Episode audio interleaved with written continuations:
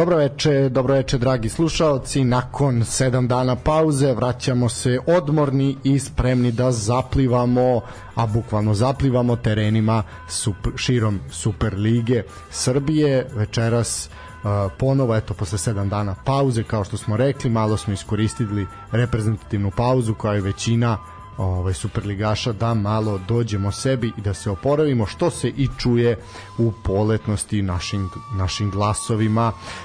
Dobroveče s moje strane, Nikola dobroveče. Dobroveče Stanislave i dobroveče poštovani slušaoci razmišljam nešto, gledam ovaj, šalje mi drugar neke linkove, pa vidim ove radio frekvencije. Mi smo trebali jubilaznu epizodu stavimo 99 zbog frekvencije radio toga. Ovaj. Da, 99,5. Znaš ono da napravimo, da, da, da idemo, znaš ono kad skraćuju, kao, kao kad si bio mali, pa kad mama hoće ono pre što dobiješ šamar iz uveta, ovaj, da nešto riš, ono kao naš brojiti, pa imaš kao 99, pa 99 i 3 četvrtine, pa naš ono sve, sve ovaj, dogod dođe do 100. E, da, pa dobro, evo, sto, sto drugi put se družimo. E, nažalost, e, prva, prva tema koju ćemo obrađivati je opet, mislim obrađivati, nećemo obrađivati, ali ćemo je saopštiti, ovaj, nažalost, tu tužnu vest koja je pogodila pogodila na, našu javnost uh, u toku prošle nedelje. I meni je delimično bilo i žao što nismo prošle ponedeljak imali emisiju upravo da smo mogli možda malo više imali prostora da se tome posvetimo kao i neki možda van sportskim te, mislim ne či, čistom analitikom i komentarom šta se dešava na terenu nego nešto što je bilo van, van terena poput toga da Raduljica ide na ovaj turneju U grupe i tako sliče neke sliče neke gluposti. Ovaj ali nažalost, nažalost tema i prva vest kojom ćemo započeti, a čim spuštam regler i čim ovako malo ozbiljim situaciju, jasno je da nije ništa, nije ništa lepo. Uh, a, bivši golman Partizana i mnogi drugih klubova i čak i eto član reprezentacije u nekoliko navrata Radon Radaković nažalost je preminuo kao što smo svi svi čuli od posledica karcinoma više od godinu i nešto dana se borio zaista sa teškom bolešću imao je duga lečenja, nekoliko intervencija, izgubio je puno kilograma. Mi smo bili prisutni na toj humanitarnoj utakmici kada su došli i ovi Poljaci sa Miretom Radovićem kada se skupljalo jel ovaj pomoć za Radovana jedna od mnogih akcija koja je bila i zaista je bio neprepoznatljiv.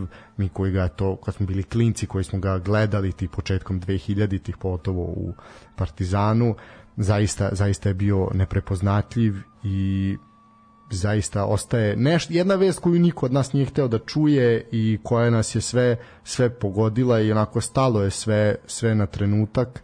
Zaista zaista iskreno iskreno saučešće i svim prijateljima, porodici naravno, svim koji su ga poznali, mislim da svi dele moje mišljenje kada, kada kažem da smo se svi nadali da Radovan može da može da pobedi tu situaciju i da izađe iz toga i da nastavi da nastavi jer je zaista zaista bio bio pobednik kako na terenu tako i van njega.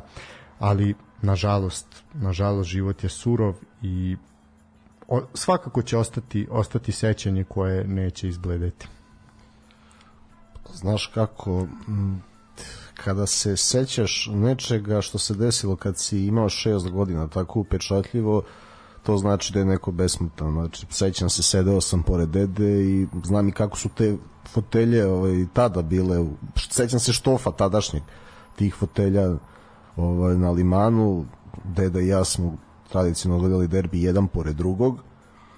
On je to odbranio i eto, omogućio je Partizanu tada kasnije Ivica Ilijev postigao gol, sledeći put je Partizan pobedio na 1 u derbiju za 8 godina. Tako da je da nije ništa drugo uradio, radovan je upečatljiv i, i besmrtan. Zaista mi je, zaista mi je to teško palo, evo, došao sam sa super energijom nekom u studiju, ali morat ćemo brzo da menjamo temu, jer imao bih što što da kažem, e, nije mi bilo jasno da u nekim situacijama oko njega se nije reagovalo brže, on se borio do kraja, branio, branio, ali i kad zaustaviš mnogo udaraca kao golman si često sam i onda primiš gol na kraju od mnogo teškog protivnika. Tako da Radovan je i ovaj put odbranio sve što je mogao. Da, negde, negde je bilo možda, a neću reći ovaj onako da se istorija ponovila ali me, me ovo sramotno ispadanje Partizana od Radničkog i Sremske Mitrovice podsjetilo na tu jednu priču kada je upravo Rado Rada koji svojim fantastičnim bravurama na golu Brska iz Batajnice isto tako izbacio Partizan iz kupa, tako da samim tim posle te utakmice mislim da ga Partizan negde, negde i ovaj uzeo razmatranje. Uh, Radovanje, tako. Da, Radovanje je nastupao za Zemun, za Obilić, za Brski iz Batajnice, kao što sam rekao, Borac iz Čačka, Standard iz Liježa, uh, zatim samo za Lijež, Radnički Kragujevac, Partizan, Šturm Grac, Zemun, Voždovac i na kraju završio karijeru u Kolubari, dva nastupa za reprezentaciju Savezne Republike Jugoslavije. Uh, imao je dve titule 2002. i 2003. i jednom je uzeo kup kup Jugoslavije 2001. godine. Uh, mnogi su se uključili u akciju, mnogi bivši saigrači, klubovi, futbalski savez takođe. Neko će reći da je bilo prekasno, neko će reći da je bilo premalo u skladu sa mogućnostima koje koliko mogao ja bih želeo i trudit ću se da mislim da je tako zaista ono nabrajati futbalska imena i uopšte imena iz javnog života i ne toliko javnog koji su koje su pomagala bilo bi suludo izlišno i samo bi nekog, nekog zaboravili ali nažalost nažalost nije nekada u životu nije, to nije dovoljno šta da kažemo nek mu je večna slava a E, pozdravljamo s klubove koji su minutim ćutanja počeli, počeli svoje utakmice u znak sećanja i odali počast, tako da svakako i mi smo evo, spustili, spustili, spustili reglere pardon, i evo, započeli emisiju sećanjem na Radovane. Ponosan sam na nas i sportskog pozdrava što smo u skladu sa našim mogućnostima maksimalno reagovali kako za tu, tako i za još neke akcije nama ostaje u lepom sećanju, eto to je, ima dva highlighta karijere, jedan si ti pomenuo, drugi ja i Radovan je besmrtan, neka mu je večna slava i hvala.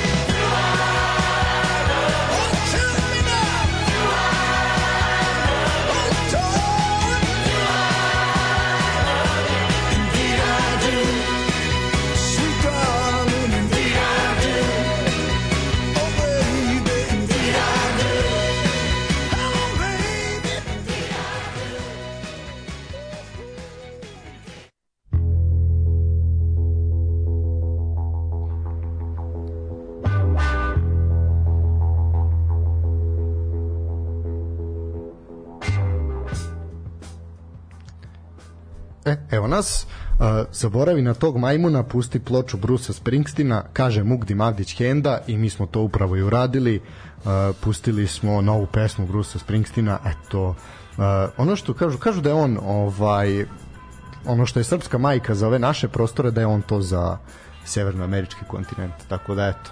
A pošto naš srpska majka sad kreće sa svojim ovaj realitijem ne znam jesi to video ovaj ceca i, ceca i deca nisi to video Ali ja, ali ja, oni su oni nekako ceo život u reality. istina ono kao da živimo njihov život otprilike da O, Stvarno, ovaj, više znam šta su oni jeli nego ja, ali Istina, mislim, šteta je samo što kad je Arkan nabavljao ovaj belu tehniku nije i nama nešto doneo, jer, ali prilike tako je bilo, naš, svi su očekili kao da će i oni dobiti.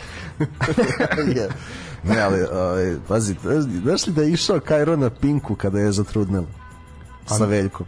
A ne sjećam se to. Za Ali da smo se mi rodili, jel? Da, da, da. Ne, kaže, da. ili dok majka dok je bila trudna sa mnom, Svetlana je zatrudnila sa, sa Veljkom, on je mlađi od mene koliko par meseci i onda je to bilo kao vez dan, Arkan i Ceca čekaj bebo. Sad da li na Pinku bilo ne, ili na nekoj drugoj televiziji, mislim Pink. Pa, verovatno, najlogičnije, ali, ali je to onako Ovaj mislim to je to je trenutak kad smo počeli da živimo tuđe živote, a ne veliki brat 2006.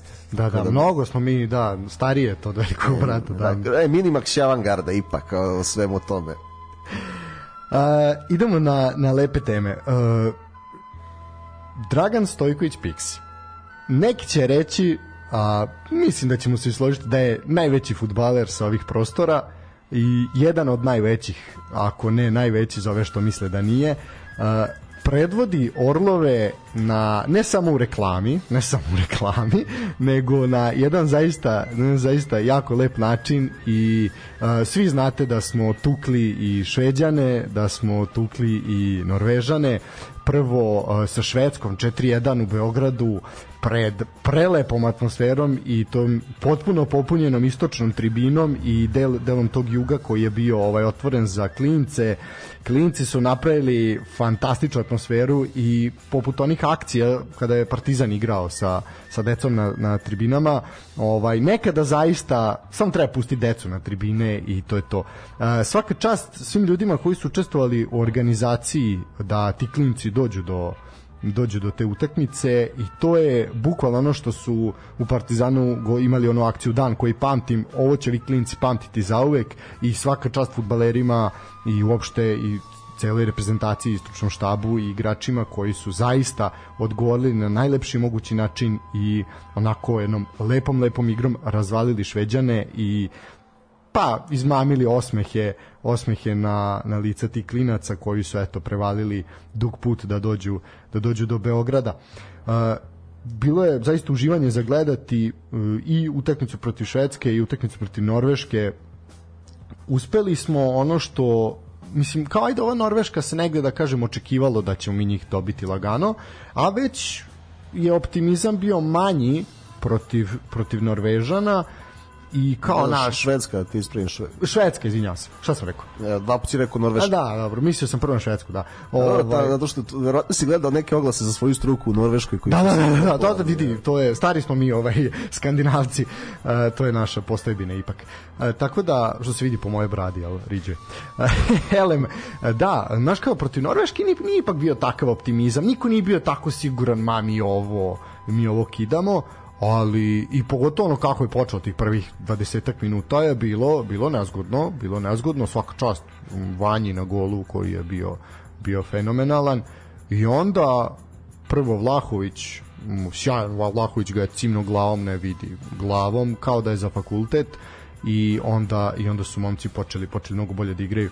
Uh, 2:0 je bio rezultat ako izuzmemo Vlahovića i Mitrovića koji funkcionišu fantastično u napadu ja ne pamtim dvojac naših napadača da je tako dobro funkcionisao I ono što je interesantno, e, to je da su obojica visoki napadači. Po nekom da. pravilu bi trebalo jedan drugom da smetaju, što se do duši jeste dešavalo u, ne, u prvim utakmicama kad su igrali zajedno. Tamo ono, Portugal u Beogradu prvo polovreme, seti se Međutim, njihova želja da igraju za reprezentaciju jednog i drugog je neverovatna. Jedan nema nameru da stane, a drugi je inspirisan ovim prvim hoće da, da, da sruši te rekord i onda igraju kao nenormalni sa Tadićem iza sebe, imaš wingbackove koji donose širinu i to za sada funkcioniše. Ja od duše ostajem pri tome da oni ne mogu uvek da igraju zajedno i 90 minuta, ali su našli način zbog međusobnog prijateljstva dobrog odnosa i želje da sve to funkcioniše, možeš da ih koristiš obojicu, s druge strane tu je i Luka Jović kojeg ne bih otpisivao, tu su varijante za igranje s jednim napadačem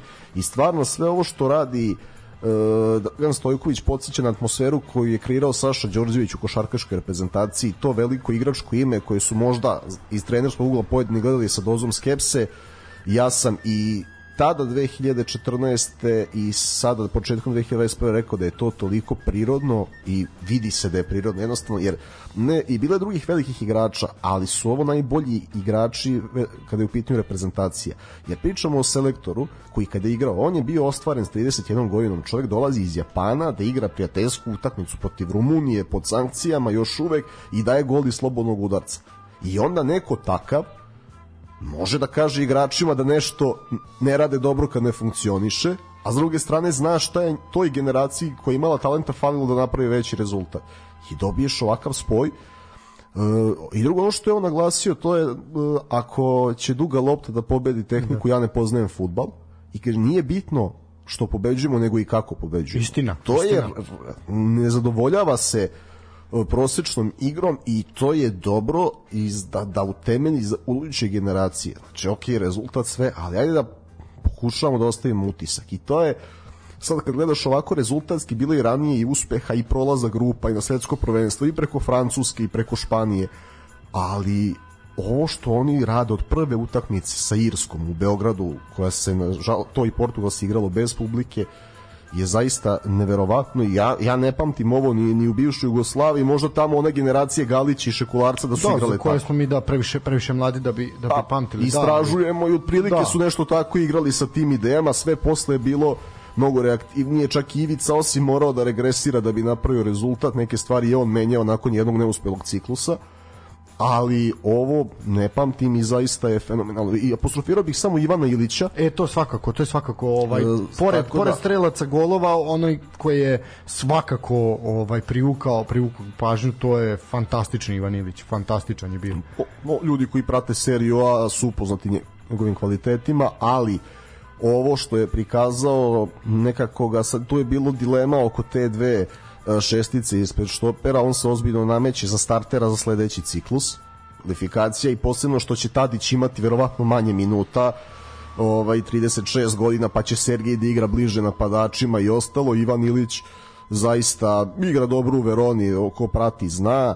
E, jednom ćemo da se dotaknemo. Kad bude, kad bude ovaj, se približilo prvenstvo tih dana ćemo više pričati o tome pohvalio bih eto njega ovaj put malo više, svima ostalima svaka čast na jednom fantastičnom pristupu u ovom prozoru, na maksimalnom zalaganju i na jednoj u kreiranju jedne ukupne atmosfere oko futbalske reprezentacije da su evo da su to ljudi koji za nema ono splavari neće ovo ono ja znaš ka, e, ovim bih završio e, kad se izgubilo u Norveškoj u Beogradu ja sam se tada brinuo da će sve to što je to tada bilo oko da reprezentacije da će se srušiti. Da. Međutim, narod je ipak Bogu hvala nešto prepoznao, jer su i tada ovaj, momci igra, nisu igrali dovoljno dobro, ali izgarali su i, i nisu iskoristili šanse, izgubili su od Norveške, rekli dobro, nastavili prošli kao prvi. Tako da, drago mi je da i kad ne ide da momci imaju podršku, koju apsolutno zaslužuju od prvog momenta o, prve utakmice sa Irskom. I neka ne stane. Da, uh, ono, mislim, samo ću kratko... Ne daj da stane. Da, uh, samo kratko ću ja, ja dodati jednu stvar, uh, a to je da uh, ono što je i rekao i Rade Bogdanović, ovaj koji je bio ovaj oduševljen i stvarno ga je bilo onako sa uživanjem gledati i slušati. Uh, da, uh, pazi, Kostić i Vlahović, ono, dvojac Juventusa, ti imaš dva igrača Juventusa koji ono trenutno nisu baš tako omiljeni u trenerovim očima u Juventusu, koji su ono u dva poteza pokazali zašto su tamo. Uh, Pavlović, Ilić, Tadić, Znači, sve fantastične partije. Mislim, čak bi bilo donekle i nepravedno sad izdvajati nekoga kao posebnog, sad je on kao doneo, doneo prevagu, zapravo je Srbija igrala kao tim. Spomenuo si neke prethodne cikluse. Mi se jesmo sa Muslinom kvalifikovali na, na svetsko prvenstvo. Ajde mi reci, seti se jedne utakmice koja je bila lepa za oko u Muslinovom ciklusu ja ne, ne mogu ni jednu da ti izvojim. Pa, pa bolje je igra bila pod krstajućem i bolje sastavljen spisak. ovo, igra kao igra. ovo ima nešto, znači... Čovek ne, ne zove Black i Asergija, ne, ne, ne se vraćam na njega. Ono, a... Da, ovo što, ovo što bih, kako bih ja ovo posmatrao, ipak, pazi, uh, za mene je recimo taj futbal početkom 2000 godina najlepši, najlepši na oko futbal je definitivno igrao uh, Arsenal u tom periodu ako pričamo o, o svetskim klubovima Apsolutno. sa Arsenom Wengerom. Koga je Arsen Wenger hteo za svog naslednika? Dragana Stojkovića Piksija. I, i to, I to su se tada smejali kao što Da, ne, ali tam, to da. i neverovatno koliko isto razmišljamo gledaj Dragana Stojkovića sada ga dovedemo ovde ono svi vi ga pitali Katar očekivanja ja uopšte ne bih toliko pričao o Kataru jer je čoveku to više i dosadilo ja bih s njim pričao o Ivici Osimu i Arsenu Wengeru Da, tako je. jer ove, sada ne idemo toliko daleko Ivica osim nije ta, voleo tadašnji način igre zvezde i samo, pazi, on je i Pančeva držao na klupi i Dejo je umeo da ode na hlađenje, da ulazi sa klupe, ono kad misli, ali je Stojković jedini bio nezamenljiv. I uklapao se u taj način. Igre i mislim da jednostavno selektor je čovek koji razmišlja van uh, srpskih okriva, okvira i ove trenerske škole. Vidi se da je radio sa Wengerom ne prihvata minimalno, ne zadovoljava se prosečnim, zaslužuje sve što mu se trenutno dešava. Ja bih, da bismo održali ovu energiju, uh, pustio jednu još kratku, kratku pesmu da nas još malo razmrda, a onda idemo na Agropapuk arenu. Znači, znate šta vas čeka, uživajte.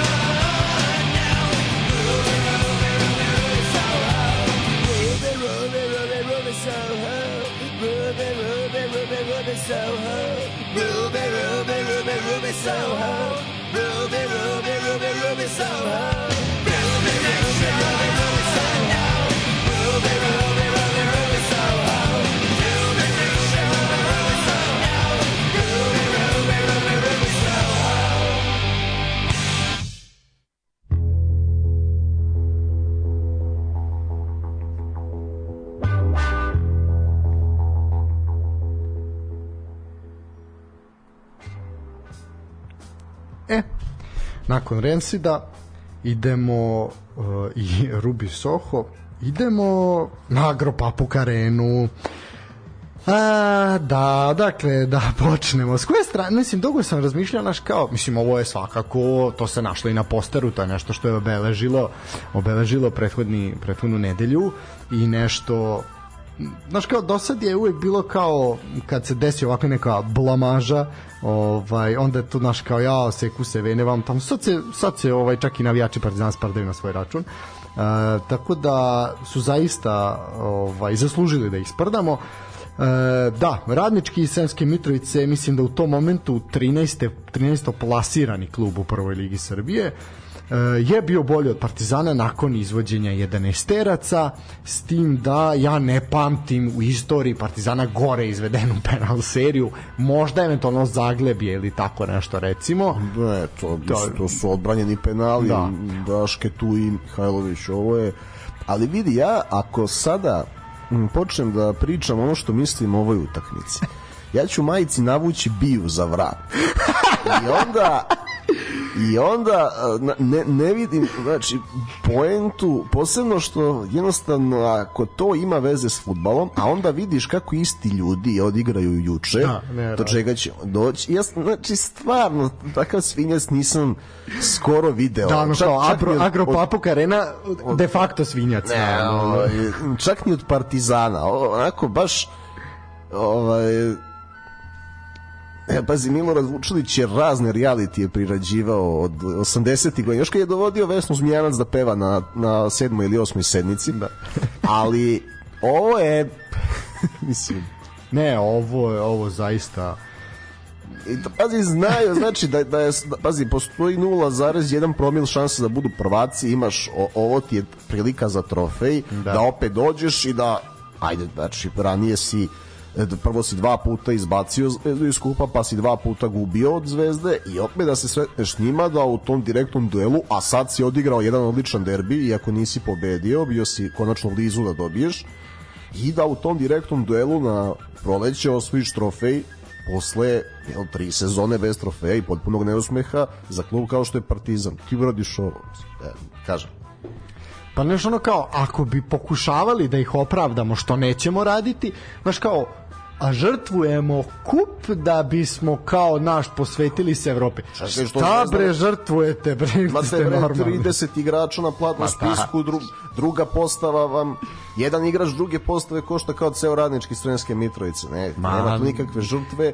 Sad, sad ne znam šta se stvarno tu e, tačno desilo, iskoristio bih priliku da čestitam radničkom. Apsolutno, to je, ako je nešto, to čekamo, je... čekamo žreb ka, dobro, i ovo je odigrano ranije, čekamo da se odigra ostatak ove runde, žreb i želimo im sreću na žrebu i da odoguraju što dalje. Da, to je mislim, što se tiče samo, same utakmice, pored svih ovih momaka iz uh, u crvenom dresu koji su nastupali, treba pohvaliti ovog malog golmana Mihajlo Dragićević, momak 22 godine, uh, zaista fantastično, fantastično. Možda ovaj, ga kupe kao što su Radaković. Pa ne, ako je to, ako je to cena, okej. Uh, zaista jedan od pa može se reći čak i, i boljih golmana u prvoj ligi Srbije uh, mislim da nije savladan na 5 od 10 utakmica uh, zaista zaista je to fantastičan nastup protiv Partizana uh, jeste primio taj gol tokom igre ali je što se tiče penala bio bio hladnokrvan i fantastičan tako da nema šta reći apsolutno celoj ekipi celoj ekipi treba čestitati što se tiče Partizana Andrade je postigao taj pogodak vodili su crno-beli do 92. minuta primili su pogodak i onda znaš kao hm, da se taj pogodak možda primio ranije znači ne u tom ono bukvalno zadnjem napadu možda, možda ne bi tako naš ono kao aj možemo da se vadimo na psihički su pali ali opet ono Pa ne, jednostavno. mislim, znaš kako kako god e, samo bi čestitao radničkom i eto to je još jedan pokazatelj e, da ne treba odustajati od kupa zbog troškova i zbog prevoza, dočekaš svojih 5 minuta, ja ne znam kako će da idu karijere futbalera radničkog, ali oni za sebe mogu da kažu da su pobedili Partizan u životu jednog dana, ne, makar sedeli ispred Dragstora. tako je A ovo, tako da klubovima koji odustaju od kupa, poruka ove emisije jeste da to ne rade i da uvek možete imati e, svojih 5 minuta, biti junaci kao Dragićević. Tako. E, i, Pogotovo kad nam dođe Partizan koji je sklon blamažama u kupu. Ma da, ima i Zvezda i budućnost Ima, Banatski ima. nemoj da i Sevojno, bilo je svega, pazi, Bilo znaš, tako nego. Pazi, nego oni to... Ozbiljna ekipa Sevojna tada, Pazi, ozbiljna i, ekipa i Sevojna. Piskavac kojem je Omega Roberts kao telefon. Ali Tako da za, za to su draži kupa i to treba da težimo održavanju tog takmičenja Naravno. baš zato jer znamo koliko neke druge nacije cene svoj kup i žive za ovakve utakmice iznenađenja i šta se dešavalo kroz istoriju u kupovima setimo se i Alcolcona koji je pobeđivao Real Madrid 4-0 e, engleski FA kup vjerujem da slušaoci prate tako da čestitke radničkom i ajmo mi dalje da ne dođe bija A, da ne bi neko zakucao na vrata. A, svoju Oni su već utakmicu kucali da ovako da, ovaj što se Pa bi ti tiče rekao radijskim roditeljima. E, da, e, što bi e, rekli i još jedna utakmica u kupu je odigrana između Mačve i Zvezde u Šapcu.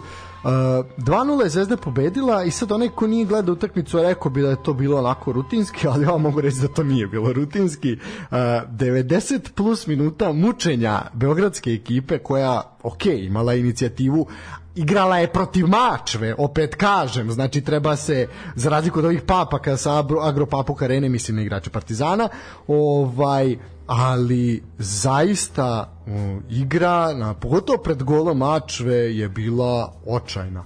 Uh, ok, nakon prekida se došlo do pogotka Milunović u 48. bio strelac uh, Mačva, svaka čast hrabra, borbena napali su da Kangva nije postigao gol u 92. i tu definitivno rešio pitanje ne bi me čudilo moglo je da mislim malo je falilo da dođe do sličnog ishoda ovaj zaista je moglo da se ponavi scenario od dana ranije iz Mitrovice uh, Šabac, šta reći, uh, i grad i stadion, pogotovo kada je pun kao prošle bio protiv Zvezde, ako zaslužuje, zaslužuje da se malo više pita u prvoj ligi Srbije, ali eto, uh, kakav mi sad zaključak možemo izvesti da su dva tima koji se realno muče u, u prvoj ligi Srbije, kao što su Mačva i Radnički Sremska Mitrovica, su poprilično namučili rivale. Mislim na večite. A, Pa nema šta vidi, futbal je kad dođeš na teren 11 ljudi protiv 11 ljudi i zato, mislim, zato ga i, i volimo. Znaš, on ti pomogne da pobedeš od, od života na 90 minuta i to je njegova svrha. Je ono što je Duško Radović rekao, bitna je emotivna dopuna ili emocionalni dodatak, tako je. Tako da igračima mača čestitam na pristupu. Pazi, oni su, do duše, tad su bili u najvišem rangu, oni su već izbacivali zvezdu iz kupa, tako da oni umeju da ih iznenade. Partizanu znamo isto da su uzimali bodove i na JNA.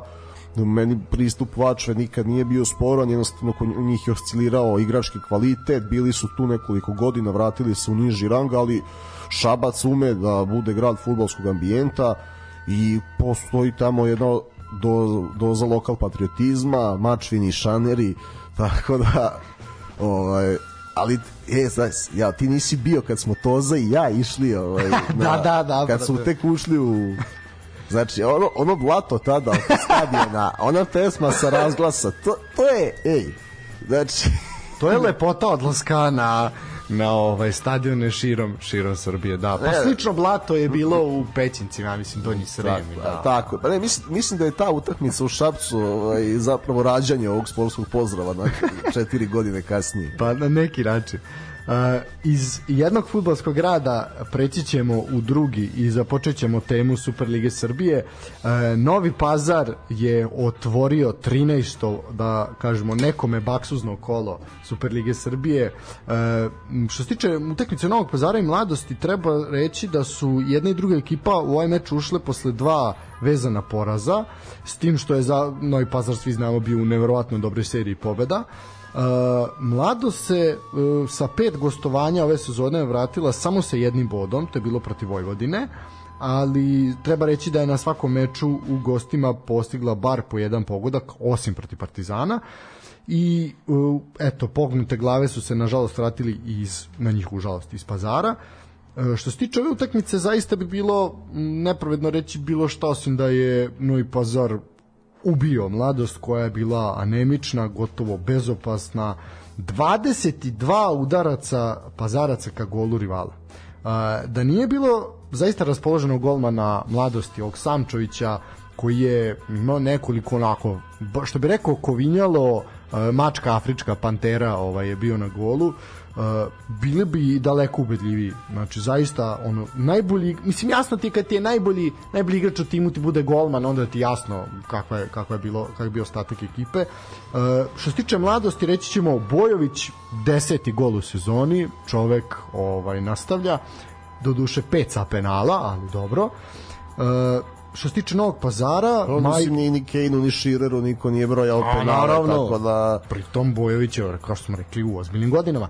Uh, Majdevac se vratio nakon te male povrede koju je imao pogodkom u 21. minutu Bojović izjednači s penala uh, Bojica Nikčević u 78. donosi prednost za 2-1 i fantastičan Gavrić koji je asistirao Nikčeviću ovaj, za pogodak onda i svojim zaista lepim golom uh, postavio konačan rezultat od 3-1 Tako da pazarci su se eto vratili na pobednički kolosek nakon dve teške utakmice i dva poraza, a Lučanci moraju, moraju, moraju bolje i nismo zaista navikli od njih da budu ovako anemični ove sezone.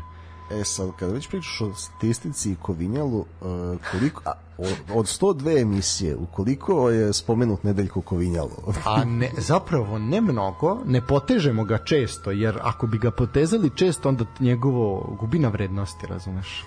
Ali vidi, zaista bi negde ovaj bio highlight sportskog pozdrava da vede Kovinjalo u emisiju. Pazi, to jeste ideja, samo ne znamo gde je čovjek nije Da jednostavno iskopati, da, do, doći do njega, ali pazi uvek, ali, ali pazi, to mora 4 sata da ide. Da, što To- da, je, to- malo je, ne znam koliko je svetski rekord u dužini podcasta, mislim da je 30 i nešto sati. Prilike, samo mu dajte dovoljno vinjaka i biće, to je to, je to obaramo lagano.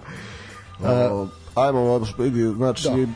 Pazar se vratio i Majdevac se vratio, nekako to ide se jedno sa drugim ove sezone, njegovo prisustvo na terenu uz Lončarevo zaista možda i najviše znači. Meni je on do sada u timu sezone, ako me pitaš sad kad, bi, kad bismo radili presek, zato što, aj što daje golove, nego što učestvuje u igri, razigrava krilni igrač, igra presing, ima pravilan položaj tela u defanzivnim zadacima, skraćuje uglove dodavanja, onako jedan all around napadač za stomašne, lepo je gledati kad igra futbol, znaš, tako da nije ni malo slučajno ovo što radi šta reći više o kapitenu Lončaru. E, mladost ima jedan problem, ovaj, videli smo njih futbalskih e, stvari interesantnih ove sezone, ali e, imaju stvarno problem kada ne ide, kada prime jedan, dva gola, a onda možda kada to nisu očekivali, kada e, teško se vraćaju. Pa mislim da je negde bio očigledan pad, pad koncentracije i uh, mislim pogotovo igrači zadnje linije i tu je nakon toga je i došao došlo do primljenog gola. Ovaj Samčević je zaista ono bio fantastičan ovaj na 1-1. Ovaj zaista je čovjek branio sve živo, ali jednostavno ono dve direktne greške odbrane, negde neka konfuzija, pad koncentracije i ono čovjek nije mogao da ispegla to, ali zaista zaista se videlo da, da ono da su da su klonuli negde. Da li nisu imali više snage, da šta je problem, ne znam, ali nekako mi je delovalo kao da su oni tu došli da ono da primeš ne, nisam ja vidio da su oni došli po pobedu. Ta, tako bih se recimo izrazio. Meni oni nisu delovali kao da smo mi sad došli, sad ćemo mi da razvalimo. To što prime, pazi, bio je penal koji Ajdevac promaši, onda prime gol i padaju. Znaš, e, padaju To oko sam loša zaboravio da je prošli penal, da. Jednostavno pa imaš pazar koji ništa ne remeti, njih ne remeti kad prime gol od Zvezdu 90. Da, oni nastavljaju, da. Jednostavno, oni samo, znači, al to ono, oni samo da osvoje tu loptu, pa šta ćemo s njom, nije to tako važno, aj samo da da izgaramo. Nekako imaju bazičnu filozofiju koja funkcioniše. Mladost se menja, ali e, s jedne strane fali kadra, ranije je bilo kvalitetnih ekipa koje su podbacivale. Sad imaš mlad tim koji pokušava da igra nešto novo i ne treba da ih obeshrabruje to što rezultati nisu idealni. Niko od njih ne očekuje niti im nameće play-off. Njihovo je da ostanu u ligi i da pokušavaju da igraju bolji futbal, evo dali, daju neke mlade reprezentativce za razliku od prethodnih perioda i to je ono što je dobro. E, ne znam, ne bih dužio ove utakmice, Da, stvari ja su ću samo reći i reći još E, jednu stvar. da, Da, za stadion.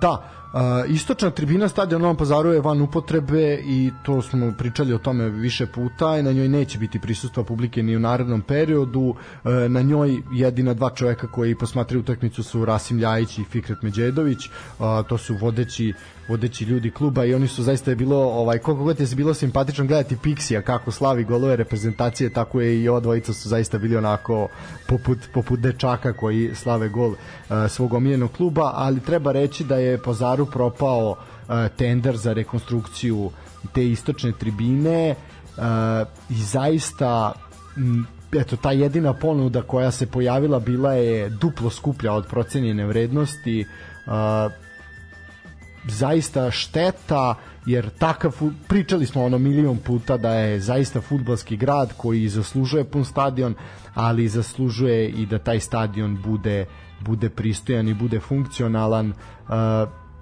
od 15. od 15. kola imaju upravo protiv Vojvodine će imati imati podršku navijača bez te istočne tribine, ali eto uh, imaće vetar u leđa sa dve od tri tribine koliko imaju. Uh, Uh, još nešto se tu dešava, znači uh, prijavila se firma iz Niša, procenjene vrednosti su oko 9 miliona dinara, nešto malo jače, uh, ali eto, ta firma je tražila 17 miliona, što je zaista mnogo, mnogo više.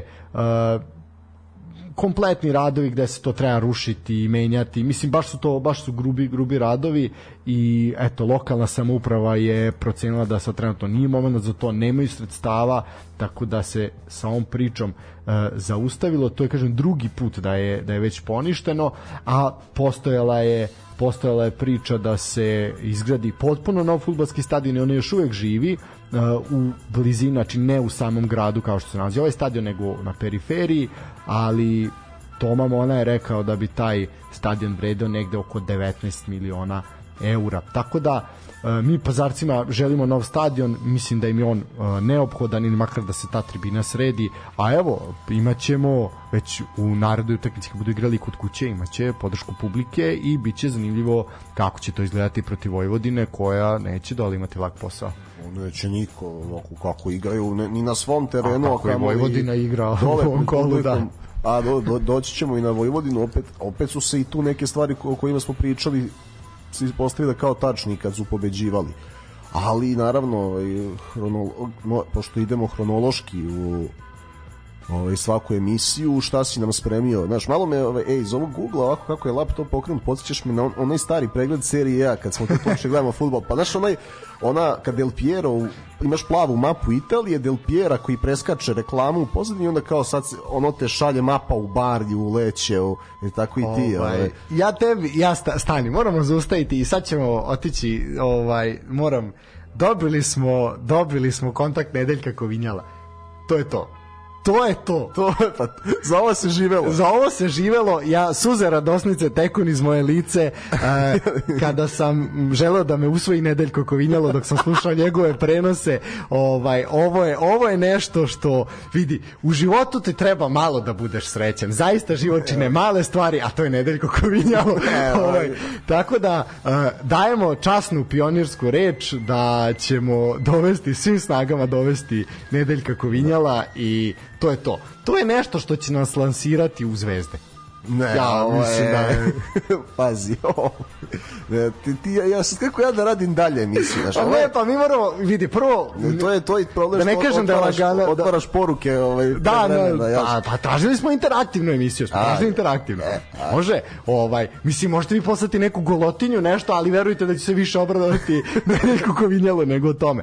E, sve u svemu, ne, idemo na, idemo na kratku, kratku pauzu, pa ćemo se baviti, svakako moramo malo grla da osvežimo, da naši muževni glasovi ostanu takvi kakvi jesu. Moram da zovem mamu da kažem da, da, da, da, da se pogledam, to je, to je zapravo pojenta svega.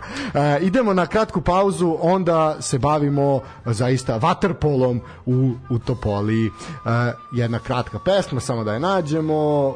Može, Killersi, o kako nastavljamo u dobrom ritmu. Uživajte.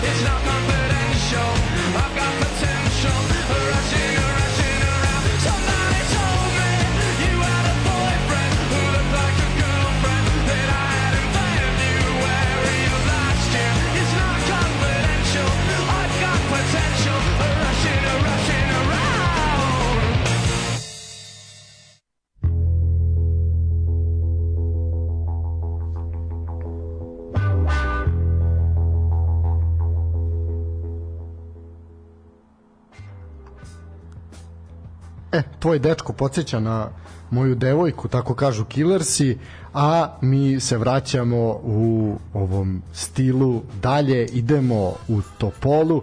TSC je dočekao radnik pre nego što odemo u tu polu u sledećoj pauzi, znači sad se i verujem da se obojica osjećamo isto ide, mora da ide pesma Nadav Gujeć Golden Boy ono To je to. Hoće, hoće. ovo je, to je. e, ovo je stvarno To je to. stvarno ovo je- Muzičku želju ispunjavam danas. E, može. o, o, to ipak je prihvatljivije za Radio 021 i ovu kuću.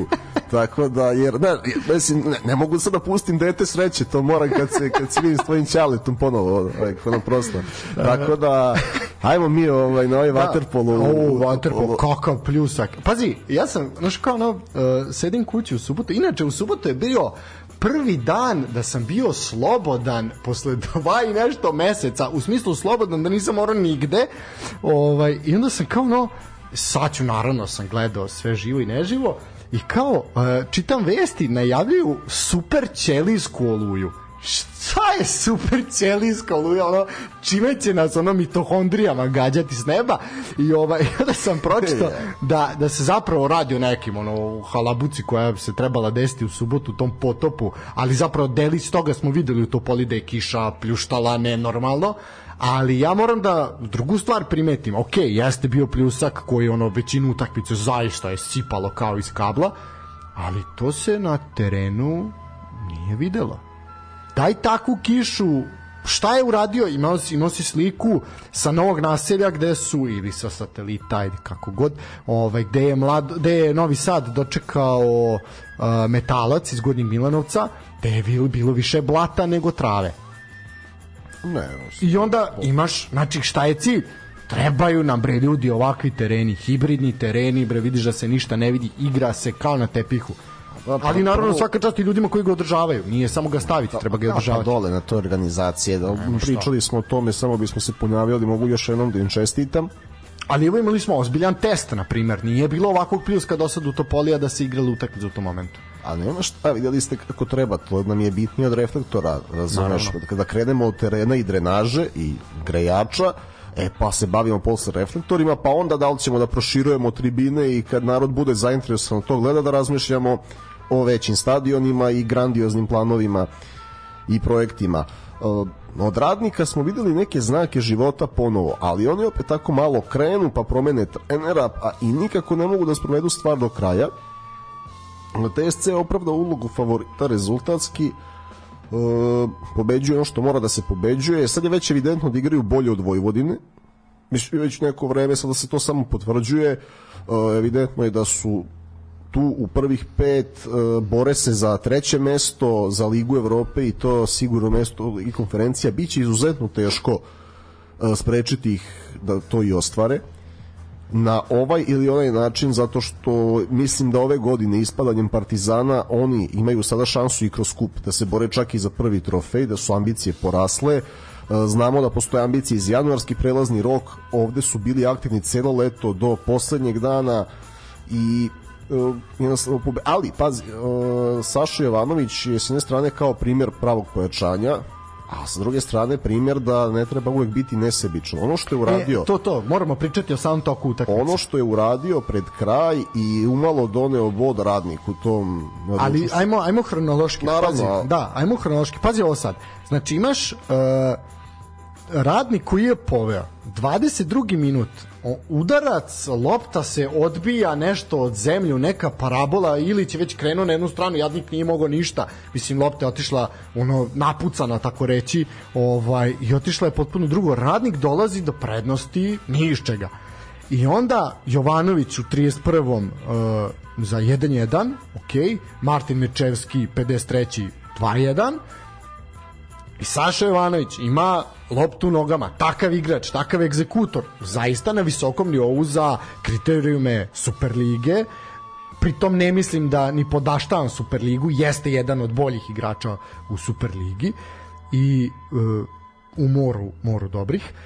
I čovjek ima šansu to je, mislim on je, on je iz takve prilika pogađao nebrojeno puta Vezanih očiju. Pa mislim na. Marakani, ono ajde, ako to kao najteži stadion za dati gol, ok, da, mada više nije, ali ajde, ovaj, znaš kao protiv Zvezde na, u nakoj atmosferi si davao, davao takve golove, zašto, šta, šta, se desilo, ono, zašto čovjek koji ima takav ono instinkt da, da postigne pogodak iz takvog trka, š, puštaš onakvu loptu iza leđa sebi, na pamet, niti ga, mislim, on je njega video, verovatno neki periferni video, ali na pamet, do- dovodiš u takva glupost, dovodiš svoj tim u rizik, pazi, on to verovatno u tom momentu nije ovaj, nije o tome mislio, ali to je 90 i neki minut. U sledećem napadu radnik dobije 11 terac. Ja verujem da je Saši Jovanović u tom momentu ono bilo da se svet srušio. Da, da mu nije bilo lako. Ne bih mu bio u koži u tom momentu. I onda Vanja Ilić fanta ne ni Vanja Veljko Vanja Veljko, Veljko, Veljko. ovaj Veljko Ilić uh, fantastično jeste ok, stativa mu isto pomogla ali čovjek je reagovao kako treba odbranio i ono kao opet pokazuje taj jadni, kra, jadni radnik koliko nema, koliko nema sreće ali ovaj put je zaista TSC imao imao sreće. S glupostima su mogli da izbiju sebi preko potrebne sigurne bodove.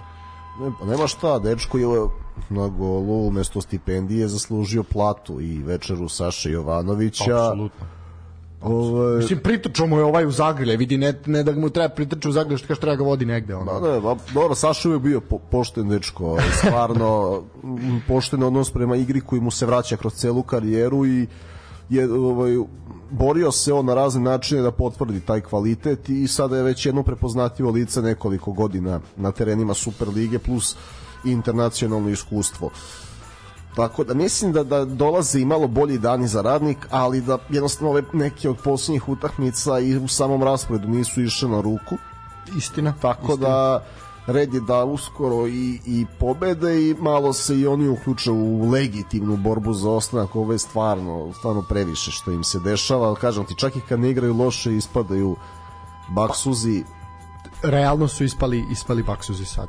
Mislim, pazi, uh, Lalatović je dao jednu jako zanimljivu, jako zanimljivu izjavu. Rekao je da između Čukaričkog i Vojvodine da koji ne, oni koji ne budu treći iz tog duela treba da se smatraju gubitnicima. Ali vrlo lako TSC može tu da, da umeša, umeša prste i da ih, da ih jedne i druge prevari. Da, da raznovrsnije igraju. Sad još uvek i Čukarički i Vojvodina imaju širi kadar i kvalitetnije skuplje ekipe, ali nemojte da vas iznenadi da ste na trećem mestu. Pritom ono što je pogrešna odluka, sad ne znam da li je takva hijerarhija u radniku, ali to je izvođač penala, Popović koji je ušao je sa klupe i loše ušao u utakmicu i komentator Arene je konstatovao ono što smo ti ja videli da je gubio e, dosta duela, da ga lopta ne sluša, da mu nije dan, da taj igrač izvodi penal, nije mi jasna odluka. Eto, ako su negde krivi, tu su krivi, ali opet u odnosu na start sezone trenutno igraju bolje, to nije dovoljno i ne umeju da sač... Moraju da nađu način da prime manje od jednog gola, onda će doći neke pobede, onda će Pa ono što je uradio napredak recimo sad ovaj poslednji u nizu a to je da zategnu zategnu nazad pa će onda pa će onda se baviti baviti napadom. E, možemo ići dalje. Možemo ići na u Ivanjicu. E, to je Twitter derbi. Po meni je to derbi dva, dva admina. E, Javor Voždovac e, 2-0. E, lepa, lepa najava je bila na Twitter profilu uh, Javora gde su navodili navodili svetske derbe ono što je Real za Barcelonu, ove za United za City i tako dalje i tako dalje. To nije Javor za Voždovac, nije svakako, ali jako je jako je dobro dobrih dobrih fazona bilo. Uh, šta reći? Šesti poraz Javora u poslednjih sedam kola, uh, Voždovac mnogo mnogo bolja bolja ekipa na terenu, uh, peta pobeda u poslednjih sedam kola. Uh, ono što svakako treba pričati to su ti crveni kartoni pogotovo ovaj Pantovića uh, Zmajevi su se, se penju na, na tabeli i to nije sporno, a Javor to ne, to ne sve dublje i mislim da će onako prvi sledeći kandidat da leti sa klupe će biti, biti Bondžulić. Uh, Mijailović je postigao pogodak u 32. Pantović pokazao zašto je kapitan mlade reprezentacije, čovjek fantastično postavio pogodak i onda napravio jednu glupost. E sad, ja moram priznati, je, ok, on je proslavio taj gol kako je proslavio, ko nije video, stavio je svoje ruke na uši kao nešto, ne čujem vas ili već ono u tom fazonu. Mislim, pazi, to su radili mnogi igrači širom Evrope i sveta. Niko nikada nije dobio uh, karton zbog toga. Da li on još nešto rekao, ja to ne znam. Ali Stanko Stračanin je verovatno čuo još nešto čim mu je dao karton. Jer ne vidim zbog čega bi mu zbog čega bi isključio igrača zbog zbog onakve proslave. Ha, ja stvarno ne znam. da. Video si proslavu, vidio Video sam proslavu, i jasan karton. Verovatno je tu još nešto bilo, nešto što A, mi ne nema, znam. nema, ne znam, nisam Ali- video i dalje i neki izveštaj zapisnik zbog čega e, zbog čega karton. A evo, da, stigla je poruka da je pokazivao srednji. Pa pretpostavljao sam da je bila neka interakcija sa ili sa tribinama ili sa klupom. Dobro, pokazivali Da. su i Nađi Stanković svoje vremeno srednji prstaš. Onda kad bismo tako išli Pa da, mislim, pa nije dobro, Buda ali- Vujačić, ajde, da, nije dobro, nije ali- do- nije dobro, ali i to se očigledno menilo. Miloš neka, neka vodi računa, sad ono, znaš kako, neki će odmah videti u tome način da ga, da ga isključe pred utakmicu s Da, evo, Partizanom, ovaj, ali... VAR, VAR je video, VAR je video ovaj, to šta se desilo, znači bila je interakcija sa uh, čovekom koji se nalazio na tribinama, neću ga nazvati navijačem jer to nije, ovaj i videlo se da je da je imao interakciju nedozvoljenu sa njim, ovaj što mislim da ja razumem razumem takve reakcije kao uh, ono kao igrač i sam sam ih imao mnogo i prema i prema sudijama i prema protivničkim igračima, klupi, na tribinama i tako dalje i tako dalje, ali to svakako ne sme, ne sme da se dešava i ja se nadam da će ovo biti biti lekcija ovaj eh, za lekcija za budućnost Pantoviću čovjek zaista momak ima fantastične igračke kvalitete. Prvi pre svega momak je izuzetno na mestu. E, momak nije prvi provocirao jer tako mi deluje da ne bi to radio ali kad ti neko nasedne na grbaču onda taj moment olakšanja koji imaš kada pogotovo kada postigneš gol kada ga učutkaš ovaj treba možda da bude dovoljan da se ne ide preko toga, ali dobro, pazi, sve je to deo, deo igre, deo karijere, deo rasta i razvoja, on je mlad dečko i ja verujem da se ovakve stvari neće, neće Pa, nije ponavljati. loše što mu se to desilo sad zato što Naravno. je on ne, on je neko ko će igrati fudbal na višem nivou od Tako Super je, Lige sigurno, Srbije i onda e, tek tamo će morati da ćuti i ko zna još u kakvim agendama učestvuje i sagne pogled zbog raznoraznih ovaj akcija, hashtagova, društvenih mreža i čega sve ne. Ja verujem da Miloš ima kvalitet da igra u ligama zapadne Evrope, tako da mu je ovo nauk. Tamo će morati svašta da trpi kako bi zaradio hleb i obezbedio porodicu jednim lepim ugovorom i eto to je to je to napravio je glupost koja ga eliminiše iz jedne veoma interesantne utakmice u najavi sled, ovaj to doći ćemo toga za sledeće kolo E, šta da kažemo, Voždovac igra dobro, Voždovac igra ovrsno, Voždovac ima ideju, pričali smo o tome, uzeli su bodove tamo gde su morali, ponovo, i ono što im sledi čak i da se desi neki očekivani poraz od Partizana njih ne remeti u misiji, a to je e, play-off i borba za Evropu iz prikrajka. Apsolutno, oni su oni su tu, oni vrebaju i oni će oni će uh, napasti tako da nema šta, ovo je bio bio fiks kola, iako nije bilo ni malo jednostavno, ali definitivno nešto što se očekivalo.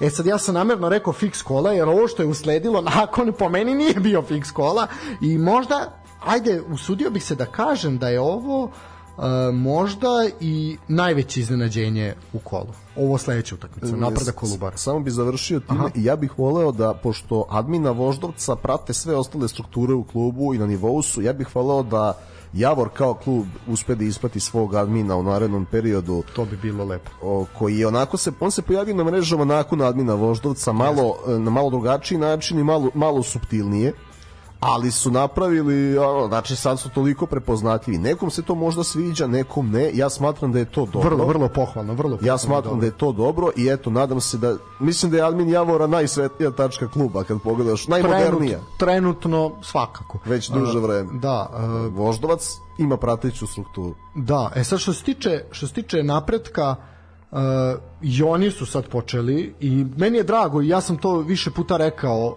po meni je društvene mreže moraju biti iskorišćene mnogo mnogo više nego samo nego samo puko objavljivanje rezultata i najave utakmica uh, kao što radi većina klubova a većina i nema ovaj čak sve društvene mreže uh, osim nekih najpopularnijih tako da trebaju trebaju da se ugledaju na neki svoj način da osmisle to i da privuku i uopšte animiraju animiraju javnost. E sad, napredak Kolubara. E, definitivno pa najbolje izdanje napretka ove sezone, forma ide uzlaznom linijom, mi smo to najavili, ti si to najavio i u ovom kad smo tipovali, ja sam ipak očekivao da će Kolubara ostati neporažena i debelo sam pogrešio. Inače, to je, bio, to je bila jedina utakmica u kolu koju sam ja promašio, tako da smo ostali ovaj, bez toga, malo na fali, već dva puta, već dva puta zaredom smo promaši, promašujemo po jednu. Tako da blizu smo, što bi rekli u Splitu miriše na titulu. Ovaj, ali ne ove sezone. Tako da što se tiče napretka, četvrta pobeda Kruševljana u posljednjih pet kola, Kolubara, onako, nismo je, pa dobro, ne, osim Partizana, ja ne pamtim da ih je neko ovako ugazio, Uh, pa, pa Zvezda Partizan je da, sad na pa da treći treći poraz u poslednje četiri runde. sad ćemo sad ćemo morati malo i da kritikujemo našeg ljubimca i njegove saigrače u napadu jer znaš kakav oni se nadigravaju ali znaš kakav problem imaju? Oni imaju o, su, oni su od onih ekipa uh, koje kada ne nametnu svoj ritam defanzivni doprinos ofanzivac je veoma mali i ostavljaju odbranu na vetrometini u, u numeričkoj inferiornosti i samim tim, što kaže Johan Cruyff, svako je loš defanzivac kada ispred sebe ima 30 metara i dobar kad ima Naravno. metar ispred sebe. Naravno. Tako da je to ono na čemu Kolubara mora da radi, ta faza odbrane kada oni nisu dominantan rival na terenu, mora da se zarudari, mora da se sačuva svoj gol i da se onda krene u, u kontranapad. Eto, to je onako da kažemo što se tiče napretka, meni je drago, uh, Sad naravno da uvek neko mora i da ispani da ostane, ali jedan od klubova bez kojih ja ne želim Superligu uz Voždovac, što nisam nikad krio, jeste napredak. Zašto? Zato što a evo otkad je, da, da uzmemo otkad je Superliga nezavisna znači od 2006. i taj neki period koji mi pratimo i pamtimo. Ja ne znam da iko još uz Vojvodinu uzimao više bodova večitima od napretka. Istina.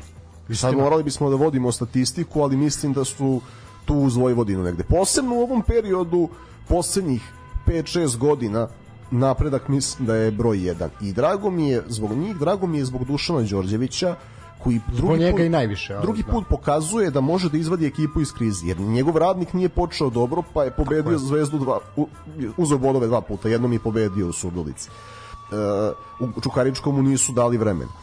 Tako da, e, jedan dobar čovek sa pa, potpunim nedostatkom sujete, strpljiv, smiren i igrači mu veruju, vidiš. Znaš, on ne, ne gubi slačionicu. Da.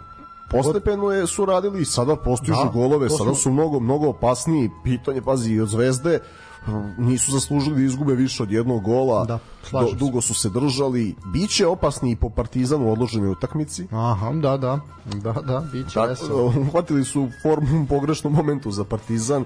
E, tako da napredak zaslužuje ovo. Zna, mada ja kažem ti, smatrao sam da je to privremeno, ali i nisam nikad mislio da će da ispuniti iz lige, ali oni sada mogu ponovo da se bore za, za play-off. Gde im je već neko vreme čak i, i mesto, tu su uvek na da. ivici. Da. da. E, što se tiče same utakmice, fantastični Šarić je otvorio, otvorio utakmicu u 11. minutu, pričali smo o njemu, zaista momak igra na vrhunskom nivou. E, Putinčanin. E, o momak koji je postigao dva gola na ovoj utakmici u 26. i 33. zaista uh, pojačanje uh, ono pravo pojačanje za ekipu i to će se tek tek pokazati u narednim narednim periodima i Bojan Čečarić u 88. stavlja tačku na na kraj ove rečenice uh, zaista se napredak ona konačno probudio i podigao n- nagrada zaista dobrog rada, upornosti, sve to što si, što si rekao, ubedljiv trijumf i ovaj trijumf će im svakako značiti da malo i oni i oni ovaj skinu taj neki kamen i sa, sa srca i sa leđa. E, svaka čast, pored Dušana Đorđevića i ekipe i svega, svaka čast i upravi koja je imala strpljenja za, za Đorđevića, jer bez toga ne bi bilo, ne bi bilo ni ove uzlazne potanje. E, neki igrači su zaista došli kasno, na primjer Matić, Putinčanin, e, Mićin, oni nisu prošli nisu prošli pripreme, stizali su nekim etapama kako je ko mogao, bilo je potrebno vreme da se uklope, sad to već liči na nešto i sad sad ćemo obratiti pažnju u narednom kolu šta će biti i mi sad želimo kad smo ih već ovako nahvalili, a realno ima šta da se pohvali, da da oni to opravdaju. Ono što ću reći da je u posljednjih uh, što može da raduje na primer uh, sve one kojima je Kruševac u srcu da je sve bolje igrao u odbrani da su u posljednjih pet kola primljena samo dva gola oba na gostovanjima protiv Spartaka i protiv Zvezde sa druge strane postignuto je osam pogodaka uh, prekid je svakako najveća snaga, tu nema, nema šta. Nemanja Krstić, momak koji ima zaista kvalitetan centaršut, e, on je asistirao kod dva pogotka, e, direktnim centaršutima doprino je pobedi nad Gatom i Kragujevcom. E sad, e, ono što je bitno, na primjer, negde spomenuti, to je lepa statistika koju sam našao, da je, na primjer, napredak protiv Kragujevca uputio 9 udaraca ka golu postigli su jedan pogodak. Sparta, protiv Spartaka 8 udaraca, 2 gola, protiv Napretka 9 udaraca, 1 gol, protiv uh, Zvezde uh, su imali 6 Kako protiv, udaraca. na, bez- kako protiv napretka, izvinite. a, protiv Gata, protiv izvini, protiv Gata, ovaj su imali 9 udaraca, 1 gol, protiv Zvezde 6 6 udaraca, nisu dali gol i 9 udaraca protiv Kolubare 4 gola. Znači i ta i ta ova efikasnost dolazi dolazi na neki neki bolji bolji i veći nivo. I pored ovih koji su se upisali u bazične statistike, ja bih iskoristio još priliku da pohvalim i Đekovića koji igra dobro, za sada se to ne vidi, onako golim okom nije u prvom planu, ali momak zaslužuje zaslužuje sve pohvale za veliki doprinos na terenu. Eto, slušalcima da skrenemo pažnju i na njega, kao što smo skretali na neke koji su kasnije počeli da se ističu kako ofanzivno, tako i i defanzivno. E, to to, Kolubara nije dobro iskoristila pauzu, morat će da rade na užoj odbrani. Apsolutno, nije nije dobro bilo. Je, ne, ono je bilo lepo gledati, onaj Bormut i ono kada, kada Ante ide samo u kontru, ali tako ne može da se igra e, konstantno. Mislim, ne može da se poguža se igra, ali moraš da obratiš i na pažnju i na druge faze igre i sad će im biti teže da igraju tako zato što će biti sve više padavina i sve lošiji tereni jer nemaju svi tako je. Tako, da će morati da nađu plan B i da prežive e, zimu i onda kao pravi, pravi hajduci iz, da se da se vazdignu na proleće. Da, ovaj sad znaš kao ispada da da mi sad njih ono samo hvalimo i da nemamo da nemamo ništa ništa da kažemo da im zamerimo, ali zaista jeste u pravu si. Uh, igra igra se samo na na jedan način mora biti malo raznovrsnije i da, sada će se susresti sa ono što je njima najveći problem, a to će biti loši vremenski uslovi i loši tereni u na ono na veliki broj veliki broj ovaj stadiona uh, u Superligi i sad će tu, tu biti problem. Lopta se neće tako la, lako kotrljati i tako lako odbijati biće u ozbiljnom problemu.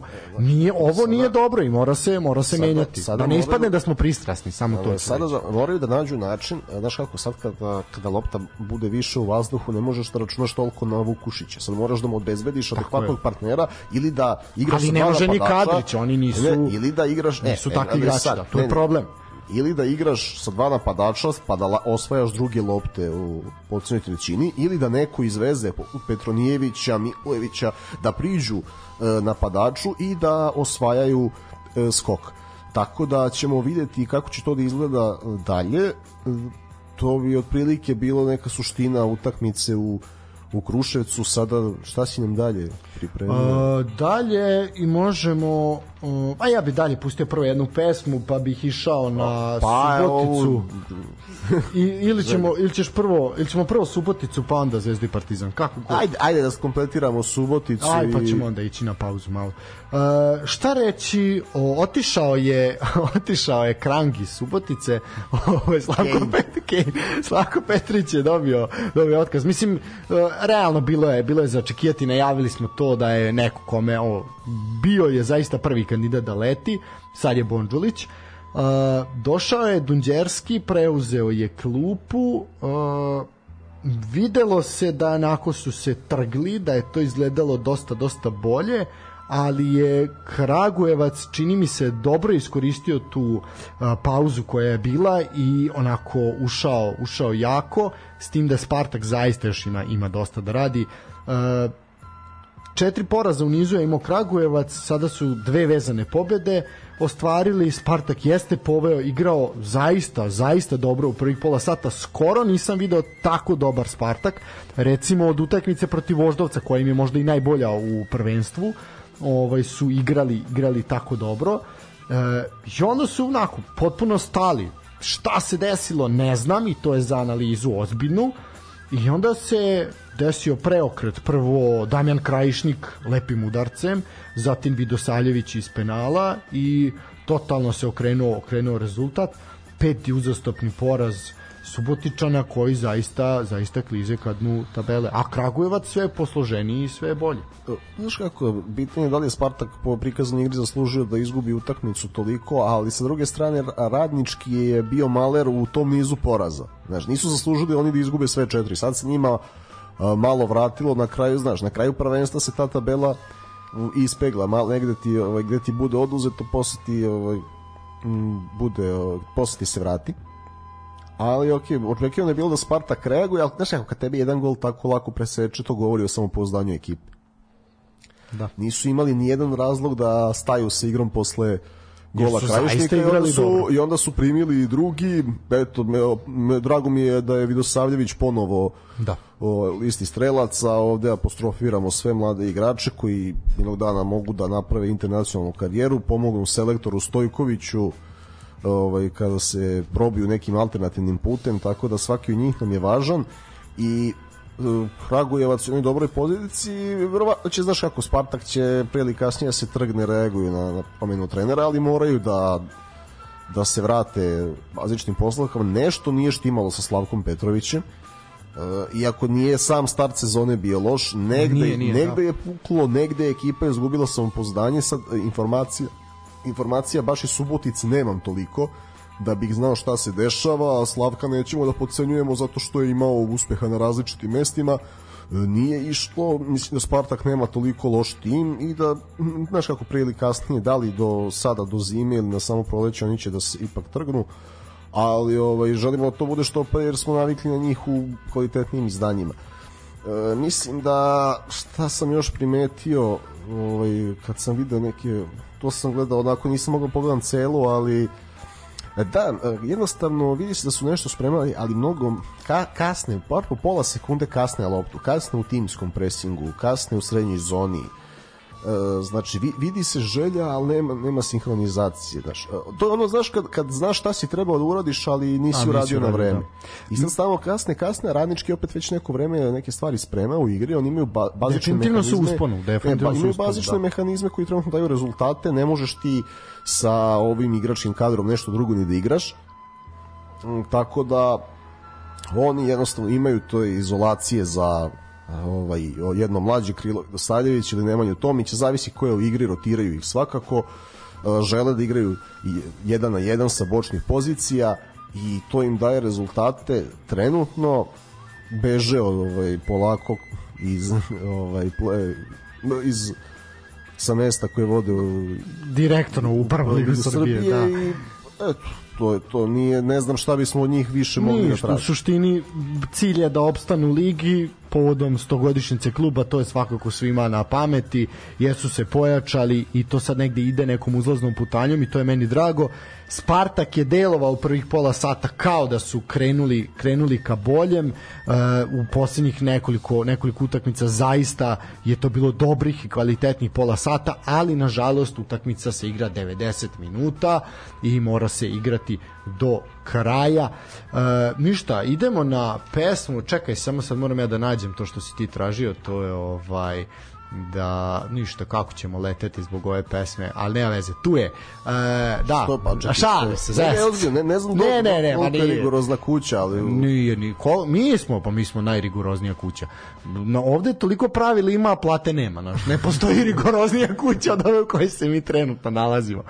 E, da, demokratija je ovde umrla davno, nikad Neke nije ranije želje nisam hteo da puštam, koje da ovo bi možda bilo Ovo ne, ovo ide, ovo ide, ne, definitivno danas, danas moramo, na, na visokom nivou energija i, što bi rekli, vibe, ovaj, tako da ćemo nastaviti u tom ritmu i onda ćemo se baviti duelima beogradskih ekipa protiv novosadskih, najaviti naredno kolo i tako pričati o ome što se bilo što se desilo danas. Lalatović je imao zanimljivu kombinaciju žutog markera i crnog prsluka i tako dalje i tako dalje. Sve u svemu uživajte uz pesmu koja će vas definitivno šokirati. Uh, idemo možda i razmrždati. Što da ne. Uživajte pa se čujemo za 3 minuta. Mama, someone broke my heart again. Tell her I don't think I can take it anymore. Whoa, mama, someone broke my heart again. Now I'm gonna ease my pain, dancing on the floor. Take me out, I'm not in the mood for a broken heart. Gonna dance tonight, forget her. No, she doesn't know what I'm doing on the floor. Did you say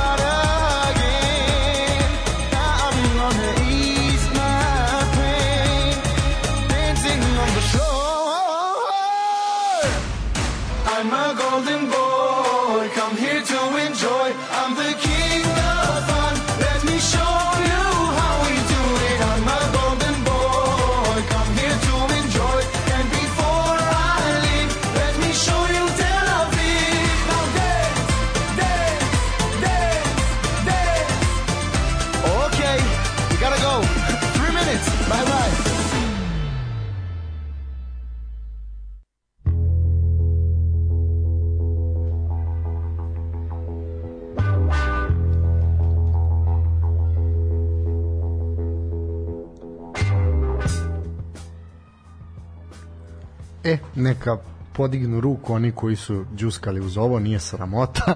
ovaj ne. Za, za ovo samo deveto mesto na Euroviziji. Zaista, zaista. U, mogli bi, mogli bi jednu jednu emisiju ćemo napraviti, napraviti specijal ovaj da idu samo evrovizijske pesme. Uh, to, to bi moglo.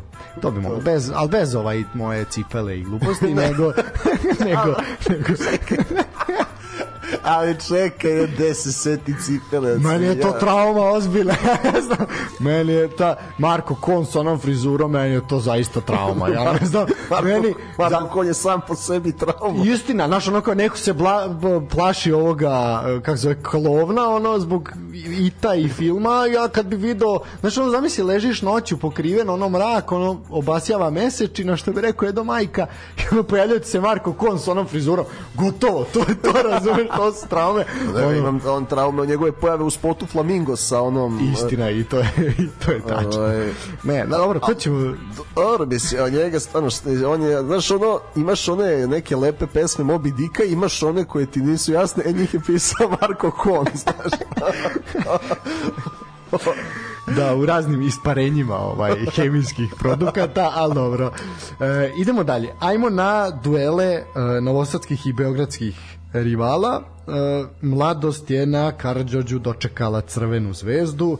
Crvena zvezda je bila bolja i savladala mladost s rezultatom 4-0. Mislim da sam čak i rekao u dvojku i gost 4 plus, kako sam... Uh, jesi, da, mislim da si to pogodio. Jesi, jesi, da, tako je. Uh, Ivanić 12. Kataj 70. Ivanić ponovo 84. Kanga 87. iz penala. Uh, Kataj postigao pogodak posle, ja mislim, do više od dva meseca, što je to onako, nismo na to, nismo na to navikli, ali eto, i ovo će i njemu značiti svakako. Mislim da je i njemu, i njemu bila potrebna svakako pauza pobedom se najavio uh, duel protiv Ferencvaroša, jako, jako bitan, bitan duel za uh, crveno-bele u narednom periodu.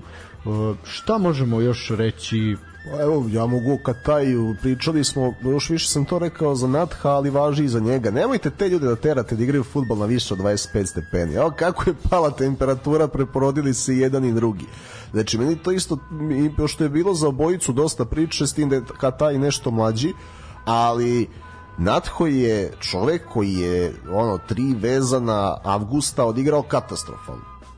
Evo, vi pogledaj ga sada kako igra. Znači, treba ljudima u tim godinama malo više vremena da uđu u sezonu. I ti za obojicu moraš da imaš alternativu u datom periodu da ih postepeno uvodiš u ritam. I oni i dalje mogu da ti pruže to što ti pružaju, ali isto tako moraš da očekuješ pa šta, koliko je prvo amplituda, temperatura, da. da sparine, bilo, za njih su pojedine utakmice ove sezone bile isključivo maltretiranje.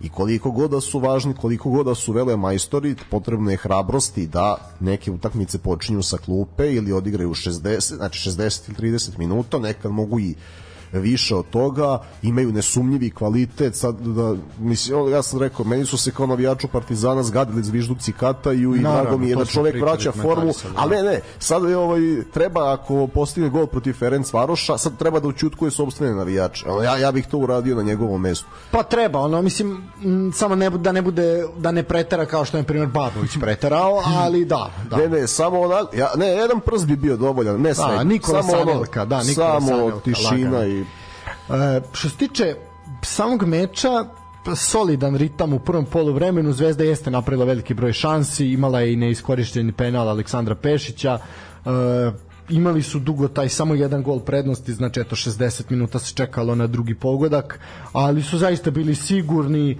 mislim bili su svesni da mladost koju eto predvodi Ljubomir Ristovski nakon odlaska Linte, čovek koji je uveo mladost u Superligu, je dobio i priliku da je predvodi.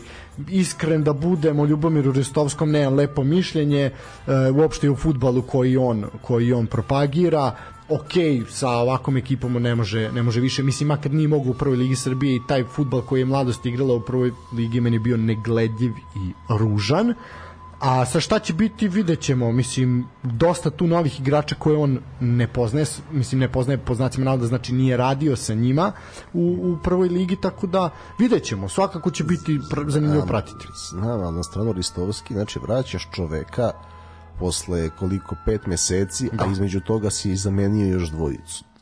To je daš, način organizacije nije nije u skladu sa najvišim rangom futbala, niti ta trener. Znaš, već se mnogi klubovi polako pameti. Imamo manju trenersku vrtešku nego ranijim sezonama. Definitivno. Ali mladost nije klub koji je sve ovo sveže i, i novo za njih. Sam opstanak bi stvarno bio tolika premija. Što se tiče same utakmice znaš kako bez pozajmljenog igrača Zvezde koji je najbolji ove sezone Tako. ali je Andrija Radulović, oni jednostavno nemaju tu brzinu iz tranzicije da ugroze Zvezdu, jedini način da ostanu neporoženi jeste da odigraju 0-0. Onog momenta kad ti takva ekipa primi prvi gol, samo je pitanje da li će i koliko kasnije da primi, primili su eto ta četiri koje sam i najavio, ništa Mogli ne su i očekivano više, se, da. pa da, i ništa neočekivano se nije desilo, podigli su Zvezdi samopouzdanje pred Ferenc Varoš i eto, to je to. Da, treba reći da je gol Ivanića zaista zaista jako naravno. jako lep, nema nema šta. Uh, I on je bio na meti kritika neke utakmice u kvalifikacijama, znaš kako, uh, i to su utakmice od finansijskog značaja za klub i onda neke druge verovatno Ivanić ne bi igrao. Ovako je pokušao da stisne zube i šta, samo zaradio kritike. Uporno ponavljam da je zdravlje igrača i njihova svežina najvažnije. Pazi, e, je u jednoj od svojih posljednjih sezona Arsen Wenger je u tim godinama se promenio i, e, na primjer, znam da je e, tada Alexis je bio na Copa Americi sad počinje ti sezona, ti si Arsenal, boriš se, jel, bar bi trebalo da se boriš za najviše dometu čoveka, pušta da odmori još mesec dana i posle Alexis igra fantastičnu sezonu. Zašto? Pa zato što ga je trener vodio računa o njemu, ispravio sobstvenu grešku iz prethodne sezone, gde isto bila Copa Amerika, pa ga forsirao od prvog kola, ne, evo ti mesec dana, ali kad, kad kreneš da mi igraš, hoću da mi igraš. Tako da Zvezda može da nauči nešto iz toga leta prvo da razmišlja o, o zamenama za Ivanije Čejkateja, ne nužno da odu iz kluba, nego o deljenju minutaže i drugo, znači u tim godinama jednostavno uključi ih kasnije u sezoni potrebni su ih i na, ti, a nađi način da bez njih guraš Ma da, ne mogu da ti odigraju svaki minut, mislim, to, Ne, ne, to ne, smisla. raubovani su i ne, ne kritikujem njih, kritikujem kako jednog, Naravno. tako drugog trenera i ovaj klub koji smatra daš ono joj stisni zube ne to je to je potpuno pogrešno u fudbalu i manifestuje se kasnije pogotovo kad imaš ovakav broj utakmica kao što ih ima Zvezda. A, treba pohvaliti Stefana Mitrovića, nije dao, nije dao gol, ali je bio bio opasan, tražio je prostor, bio je bio je dosta dobar zaista. A, delaš kao ono delovalo je sve kao imali su jedan isterac, bio je to neki treći, četvrti minut ono kao promašili su i sad je to meni delovalo kao slično protiv proletera ono prošle godine na Karadžođu upravo ovaj kao pa sad ovo možda može Zvezdi napreti problem i onda bum ono Ivanić projektil ovaj sa projektil zaista u mreži u mreži mladosti. Teo sam kažem ono kao sa auto komande što kažu ovi, ali onda smišljam s čega bi bio kod nas naš ono sa sa železničke stanice i Sokola ga je zvekno.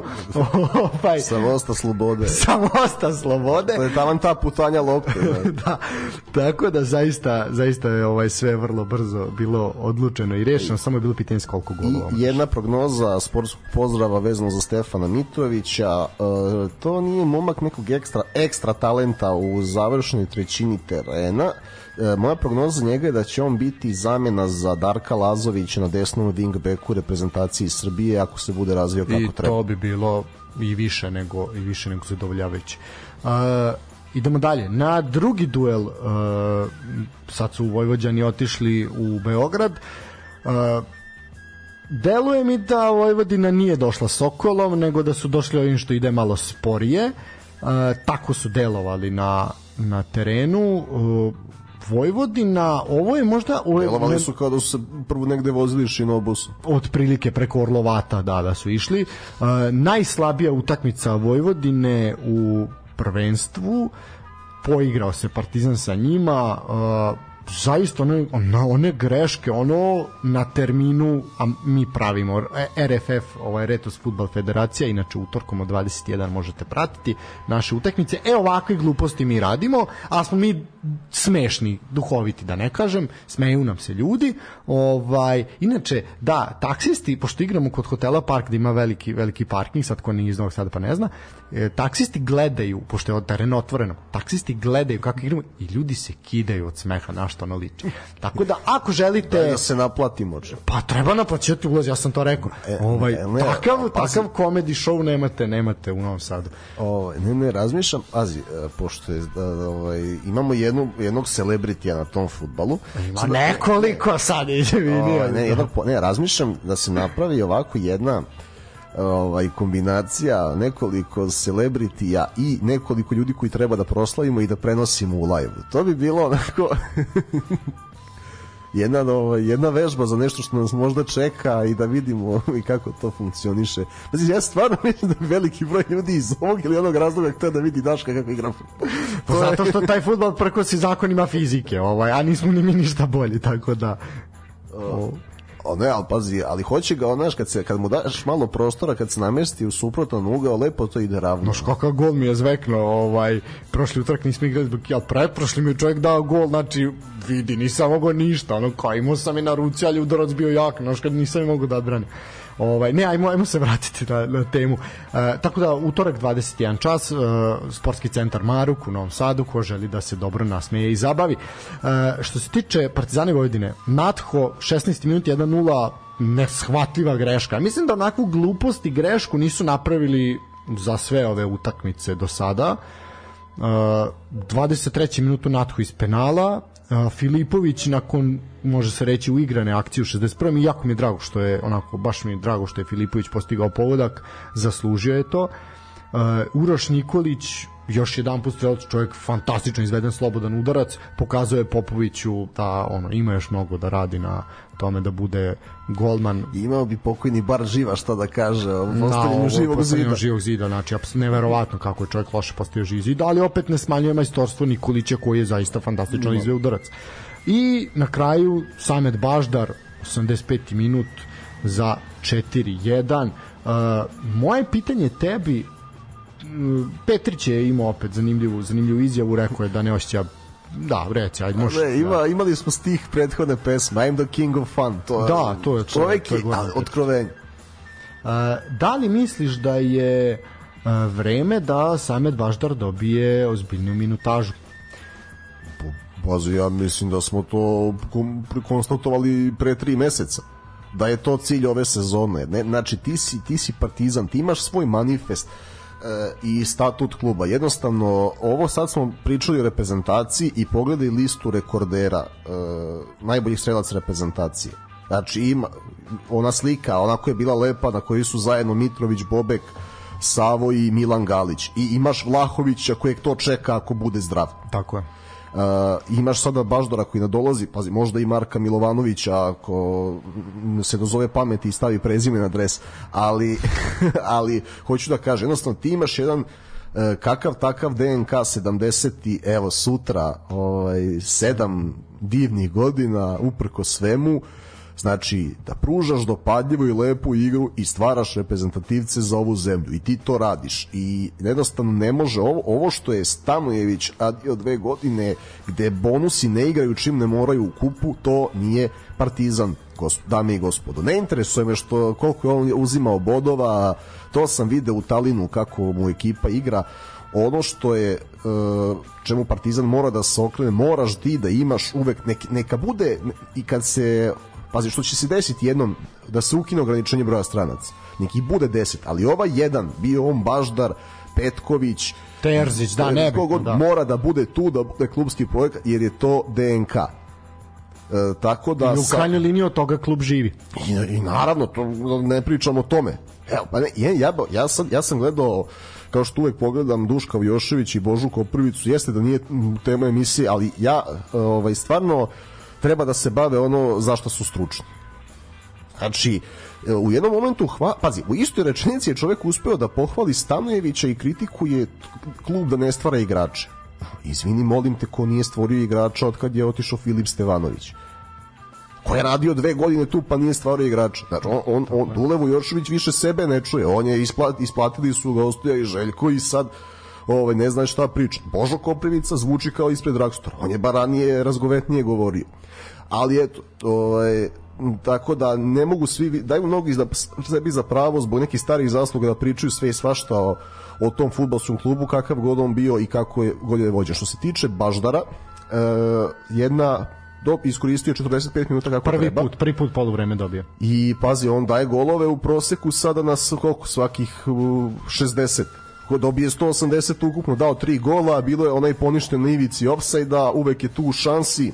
Pa da, pazi, on je, on je naterao, naterao Traorea na grešku, znači što je prvo, znači presingom, ono što krasi Partizan ove sezone, a to je taj presing, izborio grešku, čovek je čovek je ovaj postigao pogodak. 215 minuta je odigrao ove sezone na 14 utakmica znači to ti je 15 minuta po meču to je jako malo. uh, dobija, ali ne, sad pokazuje da zaslužuje više i, i do, on, je, on nije bio ni malo inferioran ni protiv Nice ni u večitom derbiju. I nema, nema razloga da ne igra više posebno što Ricardo ima stvarno veliko opterećenje i nekad bez obzira na neke slabije partije ja za njega imam razumevanja.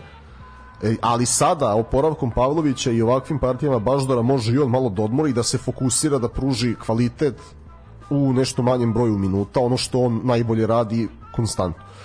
Uh, Baždar je čak mogao i dobije crveni karton, ali opet vidi, je- manje brinem za to jer to nešto što središ kroz karijeru i sa iskustvom. Više me brinu Jović i Petković nego uh, Samet Baždar. Jer, znaš, ima to prosto, ili Nikola Terzić, kad uđe, znači želi da je uzme po svaku cenu. da da A za razliku od Terzića koji ima neke limite, Baždar je tekako zna šta da radi sa loptom. Imamo, pazi, fali mu malo eksplozivnosti da dobiješ novog Vlahovića. Ovako vidjet ćemo kako će ta karijera da se razvija, ali njegova prednost je što može da igra u više formacija, drugo može da igra iza još jednog špica s kojim je kompatibilan, a može da bude i devetka koja se spušta i upošljava krila. E, pravi trener će znati da napravi igrača od njega, jer je ne- neverova, o neverovatnom talentu se radi. E, pohvalio bih Filipovića za dobru partiju oba smera, gol je bio kruna, momak je, ja se nadam da će da počne u Kelnu. E, to mi je jedina dilema, kad uđemo od toga, ne bih volao, nemam ništa protiv Marka Živkovića koji je stvarno odigrao izvan mogućnosti, ali obzirom na to koliko je Keln opasan iz prekida, e, Filipović bi trebalo da igra tu utakmicu ukoliko je za istu fizički spreman. Uh, što se tiče Partizana, I, i da naravno natho znači spu, samo sačekaj da padne temperatura ispod 29 stepeni čovek igra fantastično i da Vojvodina E, samo pre nego što, pre nego što pređemo na Vojvodinu. Uh, 24 penala, 24 pogođena. za, ili 26 26 ja mislim Uh, 24 24 sam ja sam ja našao u ligi sad ako ima neke u kupu ili nešto Aha, ne, da. ne, sve ukupno je 26 26 da, znači u ligi 24 24 od tih 24 ja ne znam koliko im je pogodilo i stranu. Znači čovek Borjan u derbiju, ali tu je tačno znao i Borjana, tu je, on obično šutira dole, kad mu ne pogode stranu, u, koliko je pametan, u derbiju je podigao loptu i opet je Borjan bio nemoćan iako je pogodio. da. Tako da zaista zaista svaka svaka igra čast. i kao sad i ne samo nego sada i on učestvuje u tom presingu znaš jer nije njega uvek bilo u tim segmentima igre ali deluje sveže, deluje raspoloženo i del, zadovoljno u Beogradu Pa imaće sad na konto ove sve priče. Imaš sad utakmice, znači veliki broj utakmica, rekli smo koliko 14 utakmice će će odigrati. Ovaj imaš sad utakmice četvrtak nedelja, četvrtak nedelja. Definitivno će sad Baždar dobijati više šanse. Biće tu sad moraće da se rotira ili jednostavno neće imati neće imati energije. Samet zaslužuje i, i mora par minuta ipak moraš malo e, da vratiš u život i Petkovića radi o jednom dobrom momku to smo iz prve ruke sad zahvaljujući kontaktima u omladinskoj reprezentaciji i turniru Ćele Vilotić e, sam čuo sve najbolje o momcima i o Kabiću, generalno o ponašanju i zaslužili su da osvoje turnir, ali sad nije nije tema, tako da pisi da Petkoviću fali nekoliko minuta u prvom timu, jer on je nešto dao je gol na zvaničnom debiju i onda je mislio da je nebo granica, onda se dese neke stvari u klubu za koje on nije kriv, pa promena trenera, neke bitne utakmice koje nije igrao i sad mu je palo samopouzdanje i njega treba e, postepeno vraćati u život i on nije ni bilo planirano da dobije toliko minuta na samom startu. Ali recimo za njega je mera 15 minuta, za Baždara je mera 30 ili 60 za početak. Neke utakmice komotno može da počne na 9, da igramo jak pressing, pa da Ricardo uđe za, po, da za pola sata demolira protivnika. A, evo stigla je vest, Bonđulić dobio otkaz. Bonđulić je dobio otkaz. Da, pa bila sad je. smo, sad smo ono, Pa ne, pa da. evidentno, evidentno je bilo, mislim, samo ukazujem na ono što je evidentno. Uh, Bonđulić dobio otkaz, e sad ne zna se ko će biti, ko će biti naslednik. Uh, vidim da se tu licitira s nekim imenima od Milovića, Ćurčića i tako dalje, Dodića. Mislim to su sve neki likovi koje smo mi već posmatrali koji su vezani za za Javor.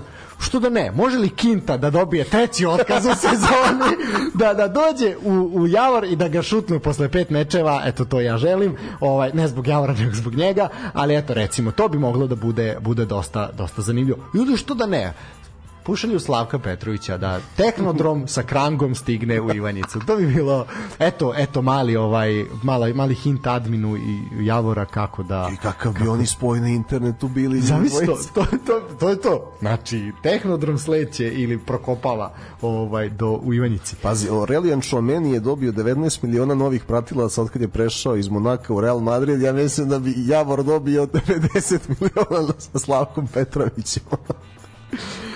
Nije, nije lepo što se sprdamo, ali dobro, šta sad. Ovaj neće neće Slavko zameriti. Ovaj tako da Ne, idemo ja ga smatram dobrim trenerom, Da, ja ne, ga obožavam, meni on, ono, ne. on treba bude jedan zaštitnik lica Superlige, čovjek ima harizmu, mislim, apsolutno harizmu izbacivača iz diskoteke. na Vojvodinu.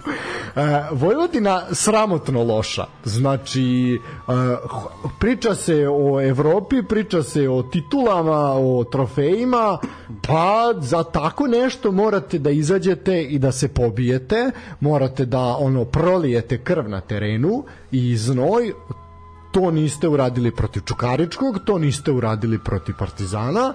E, moje pitanje je kada ćete uraditi. Šta sad mi da očekujemo od ovakve Vojvodine protiv Crvene zvezde? Ne možemo da očekujemo ništa sem da ih ovi nalupaju.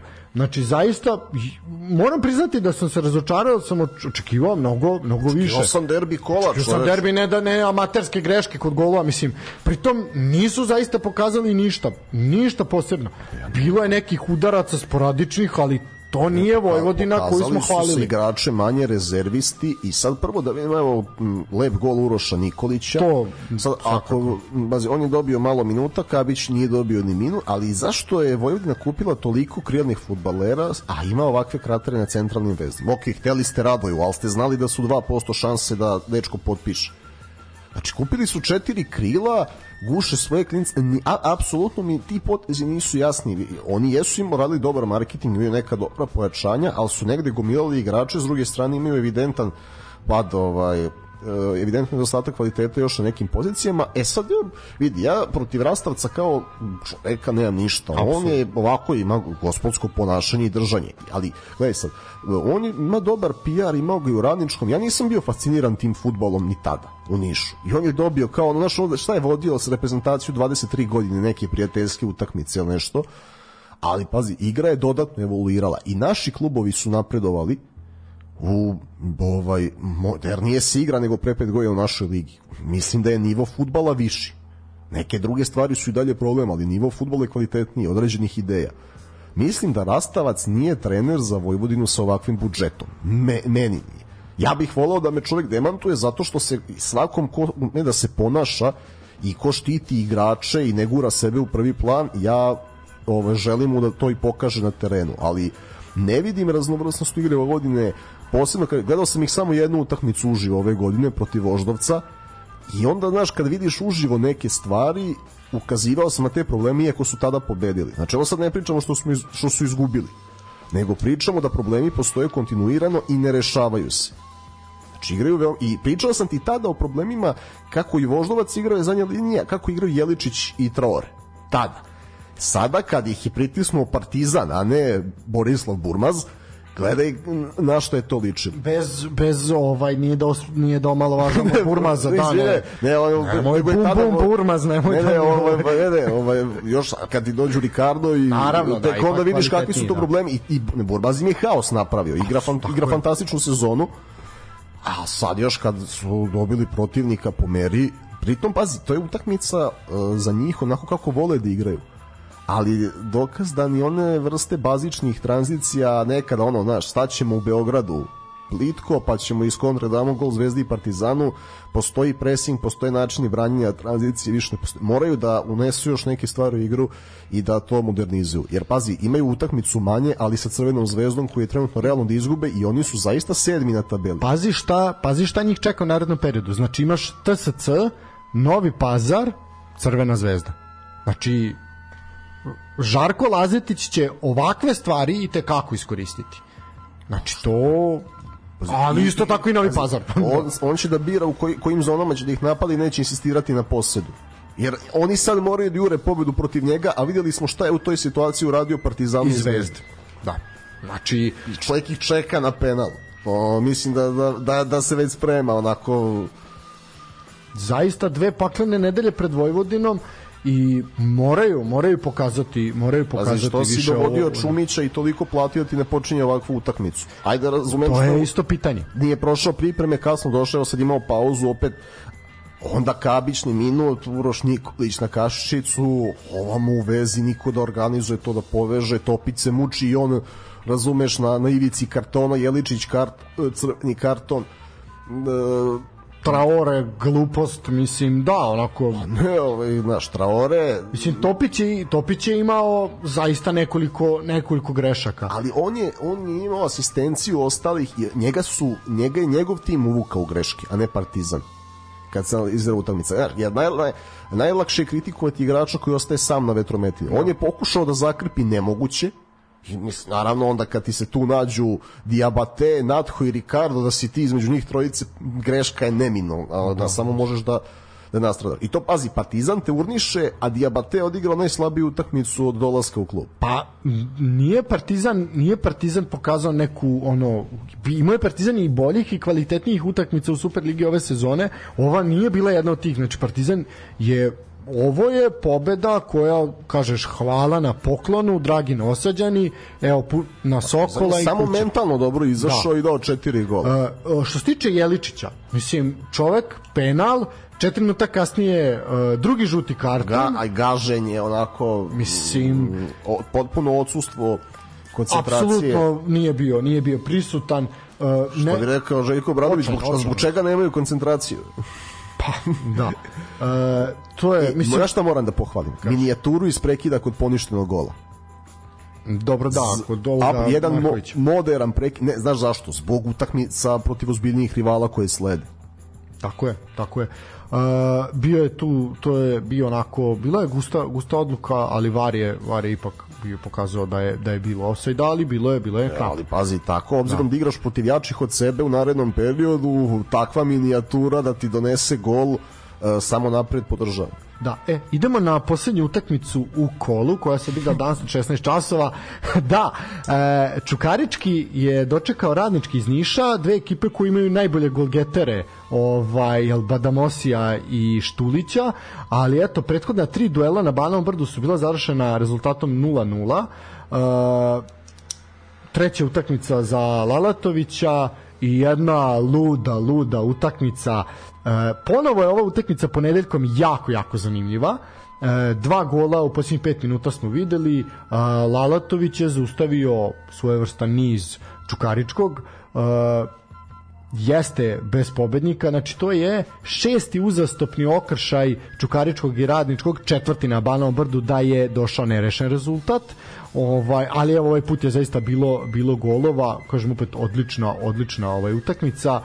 E, u 14. minutu se desilo da zaista se dugo dugo čekalo da e, VAR utvrdi offside Ovusua. E, zatim e, imali su poveli su jesu domaći 1:0 poništenje poništenje ovaj taj pogodak gde je Ivanović zatresao mrežu za 2:0 i ono kao meni je to delovalo da će to biti šta da kažem lagano e, zatim se dešava povreda Darka Puškarića, to treba napomenuti. Ovaj nije možda kronološki redosled, ali je već u petom minutu eh, eto iskusni iskusni Darko Puškarić se povredio, nije delovalo lepo, a i nadamo se da će sve sve biti proći što bezbolnije i što brže da će se da će se oporaviti.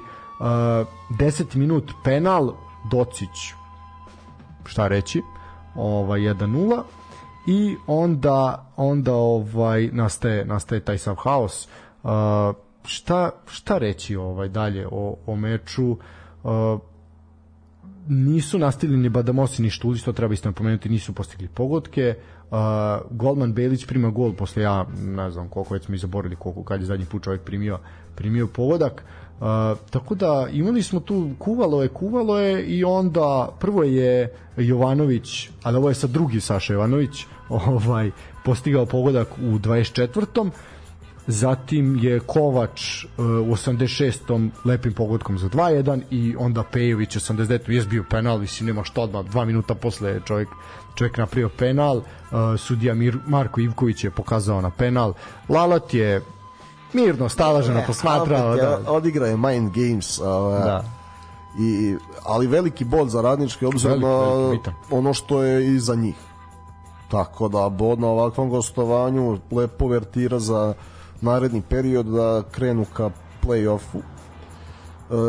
E, ja moram, e, znači ja sam malo ovaj, pod utiskom ovog turnira Ćele Vilotić u pauzi. Dobro. Ja moram da iznesem zamerku na račun Čukaričkog i na to što Uroš Miladinović nije ni blizu da da zaigra i dobije ozbiljniju minutažu. Znači, neverovatna racionalnost u posedu, agresija bez lopte, donošenje odluka. On i Milosavić iz TSC-a, koji su mi otkrovenje turnira, momci na koje ću da obratim pažnju, ni da nisam znao za njih, samo sam dobio potvrdu onoga što sam čuo. Tako da, ako ti momci su pobedili Francusku, koja ima golgetera, pazi, prvotimca Bajerna, 2005. godište od 25 miliona evra. Ako on može da igra za Bayern, zaista ne mogu da verujem da neko ne može da ima 15 minuta u Čuki u SC-u. I sad, e, ali gledaj šta se dešava kod nas. Sad, o, malo, kaže, utakmici si rekao ono što je trebalo. E, na primjer, sad imamo Vojvodinu i Čukarički koji evidentno imaju određena sredstva. I šta se dešava? Uh, boj, oni, na primjer, uh, umesto da negde pustiš mladog igrača, a dovedeš igrača ekstra kvaliteta, ti neke pozicije prepuniš i onda neki momci veći to čekaju na šansu. Znači, način na koji su, evo, Kabić, ni minut protiv Partizana. Pazi, e, znaš šta je for? Najslabiji na turniru bio Samet Baždar. Pa to.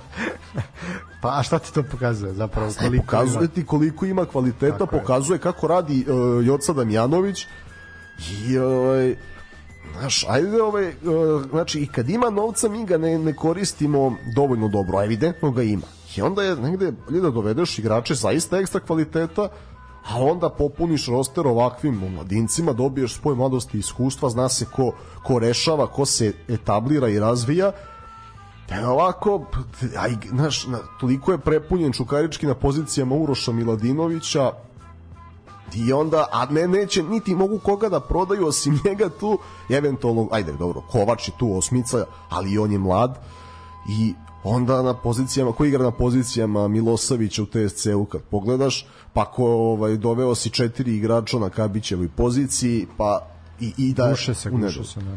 Dakle, eto, to je meni poruka za klubove, ovi klinci su pokazali da imaju kvalitet uh, jedna dobra uvertira pred kvalifikacije koje slede, koje će se odigrati u Makedoniji, tako da zaista sve pohvale selektoru loše suđenje protiv Portugala nas je sprečilo da budemo osvajači turnira, ali legendarni selektor Ćele Vilotić, njegova vizija je ispoštovana tu, bio bi ponosan kako su momci odigrali, kako su se vraćali iz o, loših rezultata, ovaj, korigovali sami sebe tokom turnira, pokazali ogromnu želju da igraju za nacionalni tim i informacije koje imamo da se radi o dobrim momcima i dobrim drugarima van terena samo su dobile potvrdu. Eto. Tako je. Malo sam skrenuo, ovaj, ali Pa ne može ni Lala da bude stalno u fokusu. Ne, ne, ne, da, što bi rekli, prestanite da pajsare pravite poznatima. ovaj, ne, ne, mislim, što se tiče ove utakmice, opet, prava je šteta što je ovakva utakmica bila ponedeljkom, negde oko 300 ljudi je bilo na Banom brdu, što je zaista malo, ali opet e, je... gledaj, šteta za live gledanje, a za gledanje na stadionu, ali nije šteta za male ekrane. Ali ove opet ostale- 4 sata, naš kao 4 sata ponedjeljkom, ko će ti stići u 4 sata ponedjeljkom da sedne da pogleda utakmicu? E, to ne, vidi, mora da, Moglo bude da oko, ba, ba, najranije oko šest. Ali ja nisam šest, protiv da. termina ponedeljkom zato Ne, što samo- tada, tada nisu najbolje utakmice Liga petice. I onda se, da. znaš, posebno što i one počinju u, u pola devet i devet. I devet, I onda tako kako da popunimo prostor kad dođemo s posla, pa idu u šest da vidimo ovu našu ligu malo da... Pritom, zaista, evo, svaki put, svaki ponedeljak ako ima jedna ili dve utakmice zaista bude makar jedna od dve za za zaista uživanje. Meni je utakmica bila dobra. Ima- ima- Ovusu je bio fantastičan, Pejović je bio fantastičan. Mislim zaista je tu bilo Petković je bio do Adžić je bio isto isto fantastičan.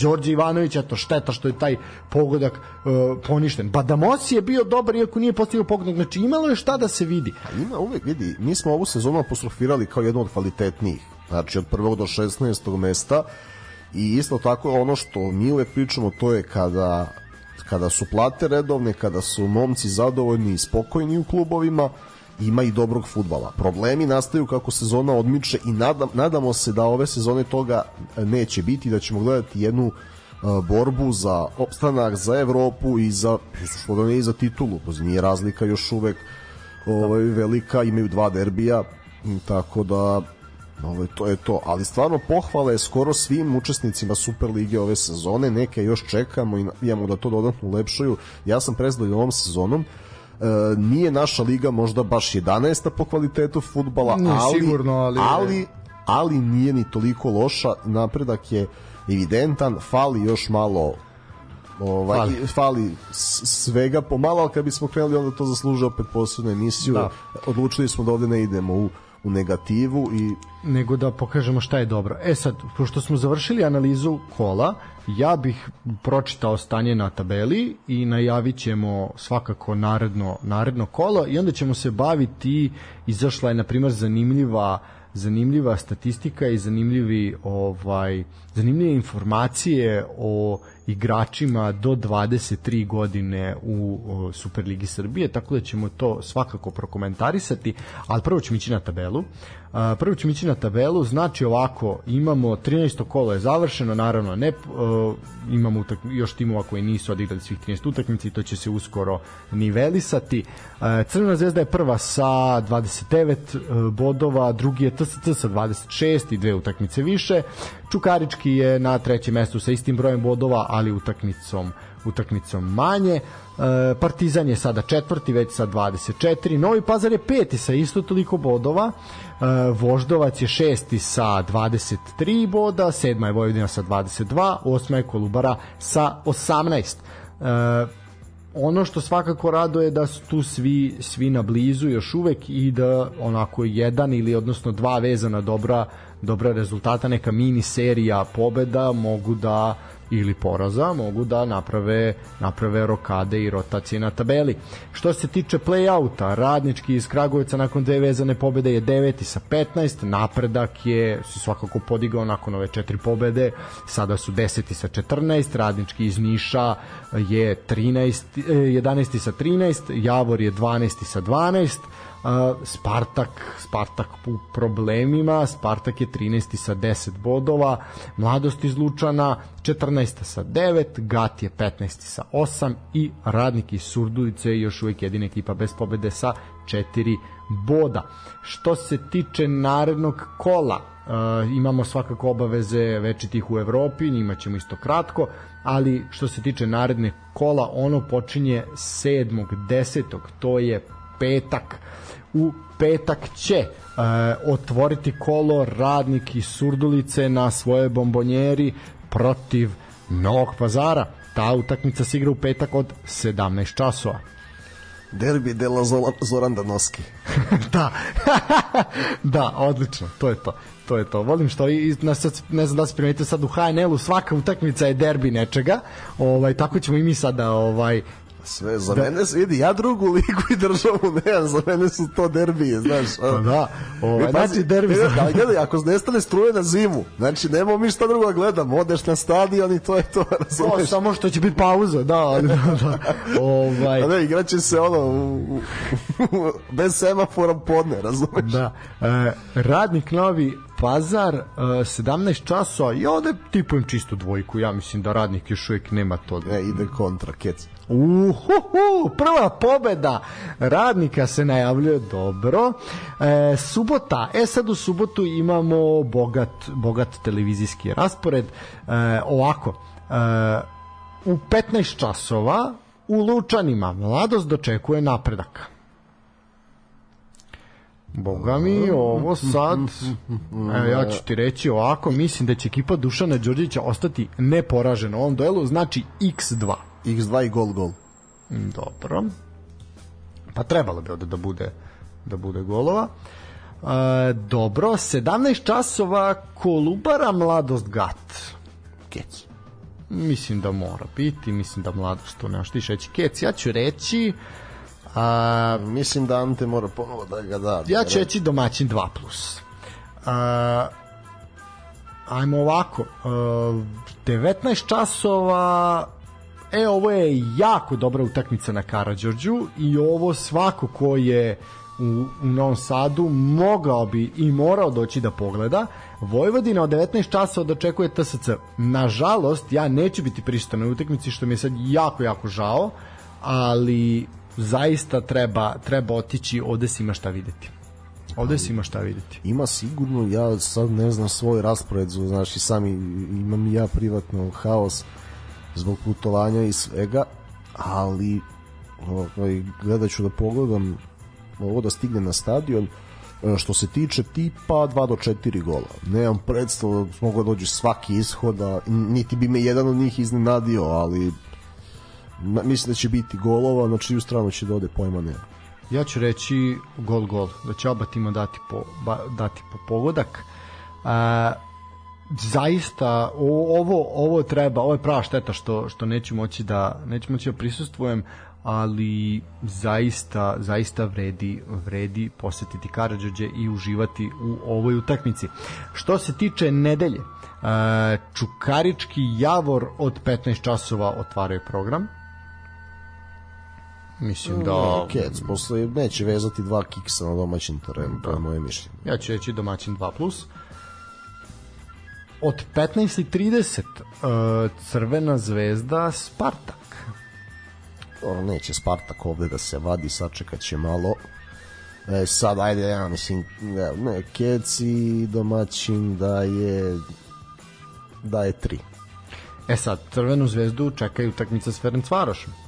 To je ono što se dešava pre same I utakmice. to očekujem da dobiju, ne, ne znam kako. Čisti instinkt, ono ne vezano za igru i formu. Uh, ja ću Zvezda Spartak pa ne znam šta bih rekao ajde reći ću uh,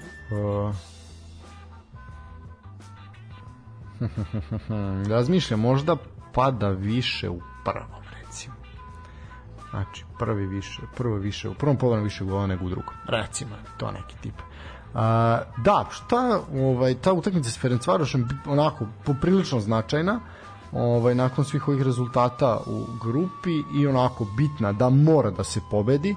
E sad vidjet ćemo kako će to biti pod pritiskom da mora.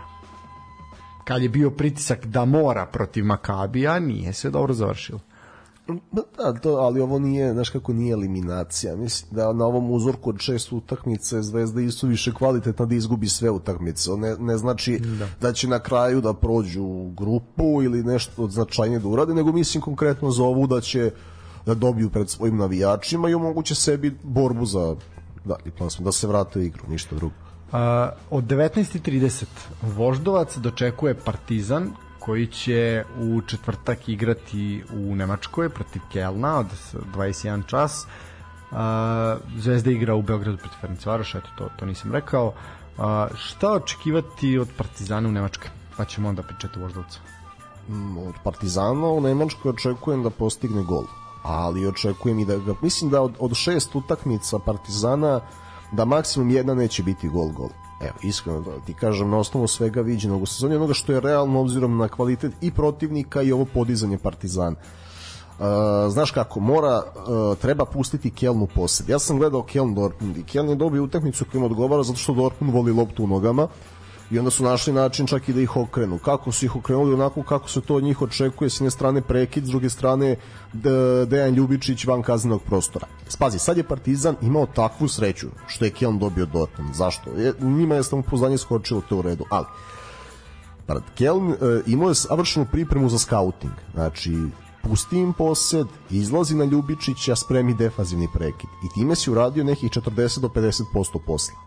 Ako možeš da istračiš sa Kelnom, mimo toga, imaš neku šansu. Tako da bi bod bio veliki uspeh pred povratak u Beograd i meč sa Helom u ko ovaj, verujem da će biti i više publike nego protiv Nice, posebno ako se tamo ne izgubi, ali očekujem jedan, mislim da Partizan nema krizu rezultata, da je Mitovica anomalija i očekujem dobar Partizan. Sad on može da odigra dobro i izgubi 2-1, ali ovaj, ajde da kažemo da očekujem gol, gol tu, e, da li će još po neki da bude i na koju stranu, to ćemo da vidimo.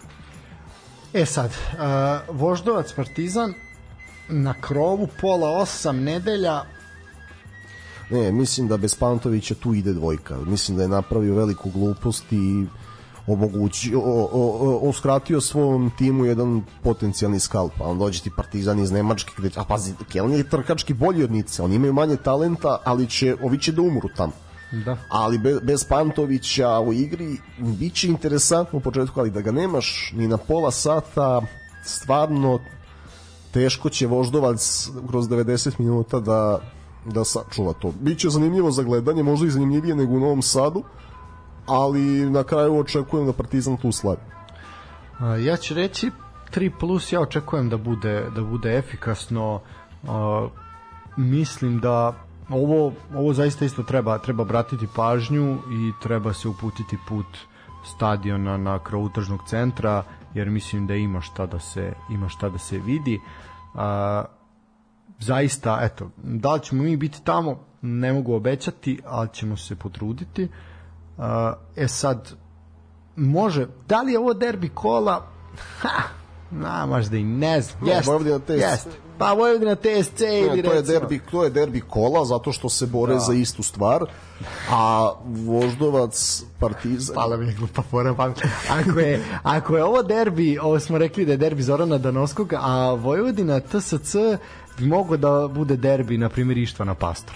Znaš, derbi Savjeza Vojđanski manja. Šta, jako glup fazon, jako glup fazon, ovo je fora Ne, to je derbi Del Aranđel Stojković. A, Ha, daj, mora biti neko kvalitet. Naći ćemo nešto, mora setit ćemo se nečeg malo bolje. E, derbi, da, a ne znam čega se setio da nisu separatističke fore, to je problem. Da, derbi, derbi nezavisno države Vojvodina. Ovaj ne znam, da, moramo smislit ćemo nešto. smislit ćemo nešto. Da li će Aleksandar Rodžić doći na utakmicu? Uf, da, ono, o, ako vidite više sastava Vojvodine, Idemo ovaj, ćemo. Da, ne, ne moramo stati u momentu, ali da, recimo u tom, sad, ovo mislim aktualan ovaj popis, koliko će se navijača Vojvodine na stadionu koji budu prisutni između Vojvodine, na meču između Vojvodine i TSC izjasniti kao Vojvođan na popisu. Znaš, ono, 70% stadiona. Ovo, a će se spremiti neko, ali dobro.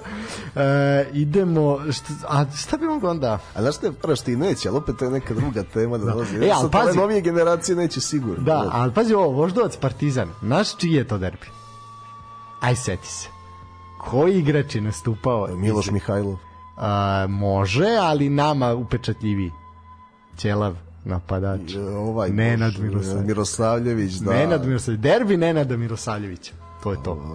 Da, ali mislim da je Mi- Miloš Mihajlov je tu pečatljivija ličnost Yes. zato što je s jedne strane je dao gol u derbiju, pa je bio kapiten Voždovca i uskratio ih i onda za tit, onda je skidao sa gol linije štoper. Ono što je on tada odigrao na krovu 2017. ja ne znam ovaj monstruozna partija, tako da mislim da ipak on ono Onda ćemo derbi, a ne, da, mislim, ajde, ja ću ipak. dobro radit ćemo na tim nazivima i Da, da, moramo. aktivnosti. Zapravo, ali sam sad provalio. Ovaj nije igrao za, nije igrao za Voždovac. Ne znam, Ne, on da- igra za Čukarić. Igrao za Ne, Čukarić. Ne, ne, ne, znaš šta se? Ja sam u momentu igrao je zato što i Dušan Đokić sličan njemu igra i onda smo u, u tom periodu Da, pobrkali. da. Pa puno ćelavih ljudi, ovaj, to, to mi... Taj Milovan Milović. Da, ovaj- Ja bih volao da on sedne na klub. Pa mislim da hoće, mislim da hoće. Uh, znači derbi Miloša Mihajlova. I pazi sad ovo. Uh, ponedeljak 16 časova Uh, ovo je jedan proleterski derbi, derbi dva radnička, radnički Niš, radnički 1923, uh, derbi Nenada Lalatovića. Mada je sva, mislim imaš šest derbija Nenada Lalatovića. derbi Lalatovih davljenika, pošto je jedne i druge vadi, ono... Da, ovo je, ovo je derbi Ali, ova, ali će on da slavi u tom derbiju sada, očekujem Kec, ovaj, da, da radnički krene ka prvih osam i znali smo da će to da Da će ići gol, reći gol, gol, mislim da da može biti. Može, može, ali na kraju da će to da, male da... Čak i gol, gol ili 3 plus nešto, to dva lagano dolazi. Da, e, da li će da se zahvali upravi iz Kragujevca ili da ih pljuje? Sad to je, pošto tako njega varira. Vidim, opet hvali i, ovaj, uslove u Nišu, da nedavno mu nisu bili toliko dobri, ali Da, malo je Lale, ovaj, malo je Lale, ovako čudan jedan ali tip. za, ali za sada je miran. A, pa bio je miran on danas, mislim, nije on pravi neka, neka se ono, nije sra, francusko nije napravio, bio on dobar. Moram pohvaliti, žuti, žuti marker na, na crni outfit sa on, mislim, to je must have ove sezone. Uh, na, moment kad sam shvatio da je Nenad Lalatović ušao previše u naše živote je bio kada sam šetnjom kroz tržni centar video da se prodaju karirane košulje u sklopu sa prslukom.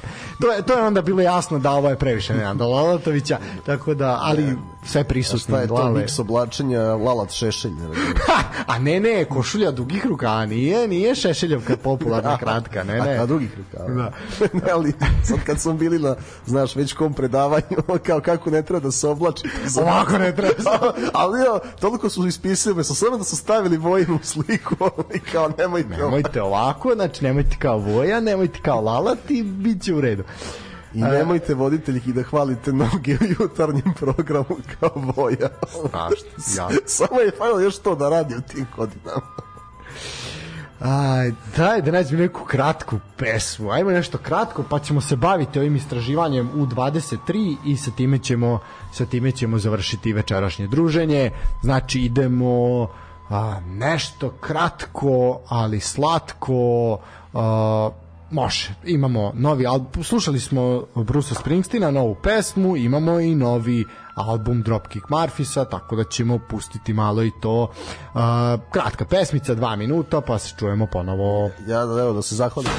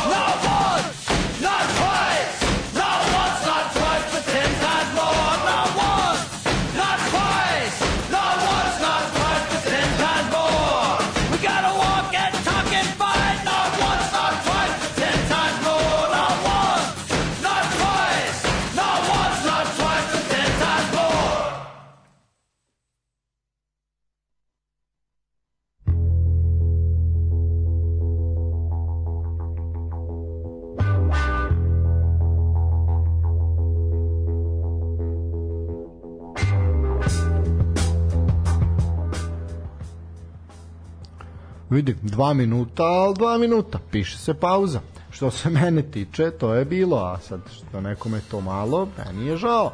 Dobro, i ti si uz McDonald's jedan od redkih ljudi koji za dva minuta ljudima pruži užitak. Tako da. dobro, dobro. Ovo je, ovo je, ovo je dobar fazon. Ovo je dobar fazon. I da se zahvalim našem tradicionalnom muzičkom uredniku. Da. ovaj, koji Ma da je ovo sad moje, ovo je moje, ovo je sve, Jeste, sve ne, moje. ne, sve ali moje. sam iskoristio, da moram da iskoristim priliku, pošto nam omogućuje da napravimo pauzu, da se u okviru iste ono, ismejemo ka, ili za, Da, da spominjemo sačuvamo boju šešelja u pauzi. Ne, e, ali ne, pazi, ovo zamisli da, znaš šta mi je, ovaj, volao bi da gledam ovaj, sa njim utakmicu željezničara za koji je nekad navijao. A, mi, bilo- da, li je, da li je Boja zaboravio taj period kada je navio za, za želju? To je pitanje. Ma nije taj pamti kao slona i tako, Tako izgleda. I nos mu podsjeća sve više. Da. E, pazi ovako, ovo je sad zanimljiva vest koja se pojavila i za nekoga ko se bavi analitikom, a to si, to si svakako ti, e, ovo može biti ovako zanimljivo. Nek, mislim, analitička platforma koja meni nije poznata, ali ćemo je svakako istražiti malo u narednom periodu, e, ona se zove Komparisonator, ako se to čita tako na našem jeziku, uh, ona se pozabavila učinkom u 23 igrača u dosadašnjem toku sezone. E sad, statistika jeste kao bikini, ume da zavara, ume da usmeri ovaj negde na neko pogrešno, što bi rekli kao bikini, pokazuje sve, a ne otkriva ništa.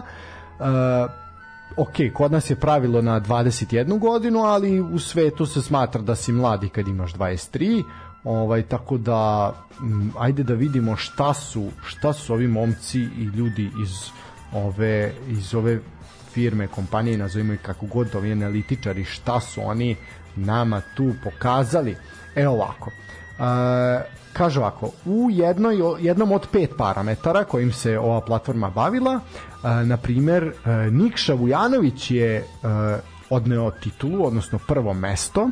A, ići ćemo u tu kategoriju po kategoriju. On je dobio da je dobio izvuko je, da kažemo, najbolju ocenu kao najbolji dribler među U23 igračima Mozartbert Superlige. A, crnogorski futbaler a, koga smo svakako najavili kao ozbiljno pojačanje a, u Voždovcu koji može da mislim pojačanje u smislu da bitno utiče bitno utiče na igru da će ova sezona definitivno biti biti njegova. Uh, za 90 minuta na terenu u proseku predribla dva i po puta svog čuvara, što je više nego Stefan Mitrović koji ima dva, dva driblinga po utakmici ili na primjer Vladimir Lučić koji ima 2.11 ili Milutin Vidosaljević koji ima 1.72 uh, to su, na primjer, Kings Kangva je peti sa 1.35 na peto mesto, ali evo, uh, Nikša Vujanović je to igrač na kog treba svakako obratiti pažnju. No, pazi, podatak evo, koji mi nije iznenađenje, e, zašto? Zato što Voždovac igra tako, posebno u prvim polovremenima, kada opterećuju levu stranu sa Pantovićem i Burmazom, a Nikšu ostavljaju izolacijama i samim tim da je dečku je omogućeno tako da igra. On kao i ostatak Voždovca igra dobru sezonu i e, šta očekujemo od njega? Da sada to što evidentno ume i što statistika pokazuje da naplati kada se oslobodi čuvara i očekujemo ga da se nađe i u još nekim parametrima malo češće, što golovi, što asistencije. Tako da podatak koji ne čudi, ne čudi ni za Kangva, osim što Kangva to radi u drugim zonama, on prilazi po loptu, oslobađa se čuvara na svojoj polovini u nekim opasnim zonama, preuzima na sebe veliki rizik. E, što se tiče ostalih momaka isto očekivano je krilni futbaleri Milutin znali smo iz Čukaričkog da to ume zato je zabeležio transfer u Španiju Lučić na pripremama Zvezde pokazao da to ume i kao ga si rekao ovaj Bože A, rekao sam Milutina Vidosaljevića, Lučića, Mitrovića. Stefan Mitrović, Stefan Mitrović, da. pričali smo dovoljno o njemu tako da, Da, tako, dobro. Idemo dalje. A, kaže ovako, a, najviše a, uspešnih, znači tačnih dodavanja u poslednjoj trećini. A, tu je, aj pogodi, ko je na prvom mestu? do 23 Da. Evo ovako, ja ću ti reći, broj 5, Petar Stanić, Spartak, on ima 13,9, uh, Mirko Topić, Vojvodina 4, 15,4, uh, treći je Nikola Petković, Čukarički, znači to su tri zadnja vezna, uh, 16,3, pa Vladimir Lučić, 17,6, šta misliš ko je na prvom mestu? Probaj. 23, čekaj, ako je 23 može i Kovač da bude Kangva. Opet Kangva je sa da, Kangva je sa 21 21,20, znači 21 tačno dodanje u zadnjoj trećini. Pazi, to je pet više nego Lučić koji je na, na drugom mesto. Ovaj, što je zaista... Pa, iz, ali gledaj, to je sad već sta- stavljanje stvari u kontekst i zvezda koja mnogo više ima loptu u posedu. Tako je. Mislim, naravno ne osporavam Ka- Kangvine kvaliteta, apostrofirao sam ga, tek očekujem od njega Svakako je da... u povlašćenom položaju u odnosu na ove ostale zbog načina na koji Mene, Zvezda mene impresionira obzirom na to da nije ni starter Lučićeva, pogledaj Lučićevu statistiku u odnosu na minute. A i o njemu smo pričali, znaš, mislim da je dobar transfer, ali Čukarički na njegovim pozicijama ima mnogo igrača. Ali pazi, ti imaš, da, i sad pazi, imaš i Lučića i Petkovića koji su jedan do drugog. Znači koliko zapravo i to i to znači, što pokazuje opet i, i rezultati koje Čukarički ostvaruje. Ja, znam, apsolutno. No, ono što, o čemu smo pričali, eto, mi izgleda nas golo oko dobro služi, pošto statistika potvrđuje. Pričali smo i o Kangu. Ja sam mislio, znaš, da, pravo ti kažem kako si me pogledao, mislim da aludiraš neko ko nije iz Zvezde i Partizana. Ali ovaj, nije, znaš, nije ništa um, neočekivano. Tako da... Idemo, ma, ok, možemo dalje. Malo, znaš ko mi je ovaj iznenađenje, malo mis, Mirko Topić mi je tu iznenađenje, pozitivno. Moram mislim, ovaj, naravno da znam njegove druge kvalitete, ali svaka čast dečku. Uh, pazi dalje. Sledeća je uh, znači broj uh, oduzetih lopti na protivničkoj polovini. Uh, aj opet ću krenuti od nazad ovako igramo se malo pogađanja. Uh, poslednji, tačnije poslednji, peti je Strahinja Eraković sa 1,8 oduzetih lopti na, na protivničkoj polovini što opet pokazuje kako Zvezda igra, da može da igraš tako visoko i tako dalje. Zatim uh, Bubakari Dukure, znači momak koji je nastupao iza TSC, iza Javorove sezone sa dva okruglo.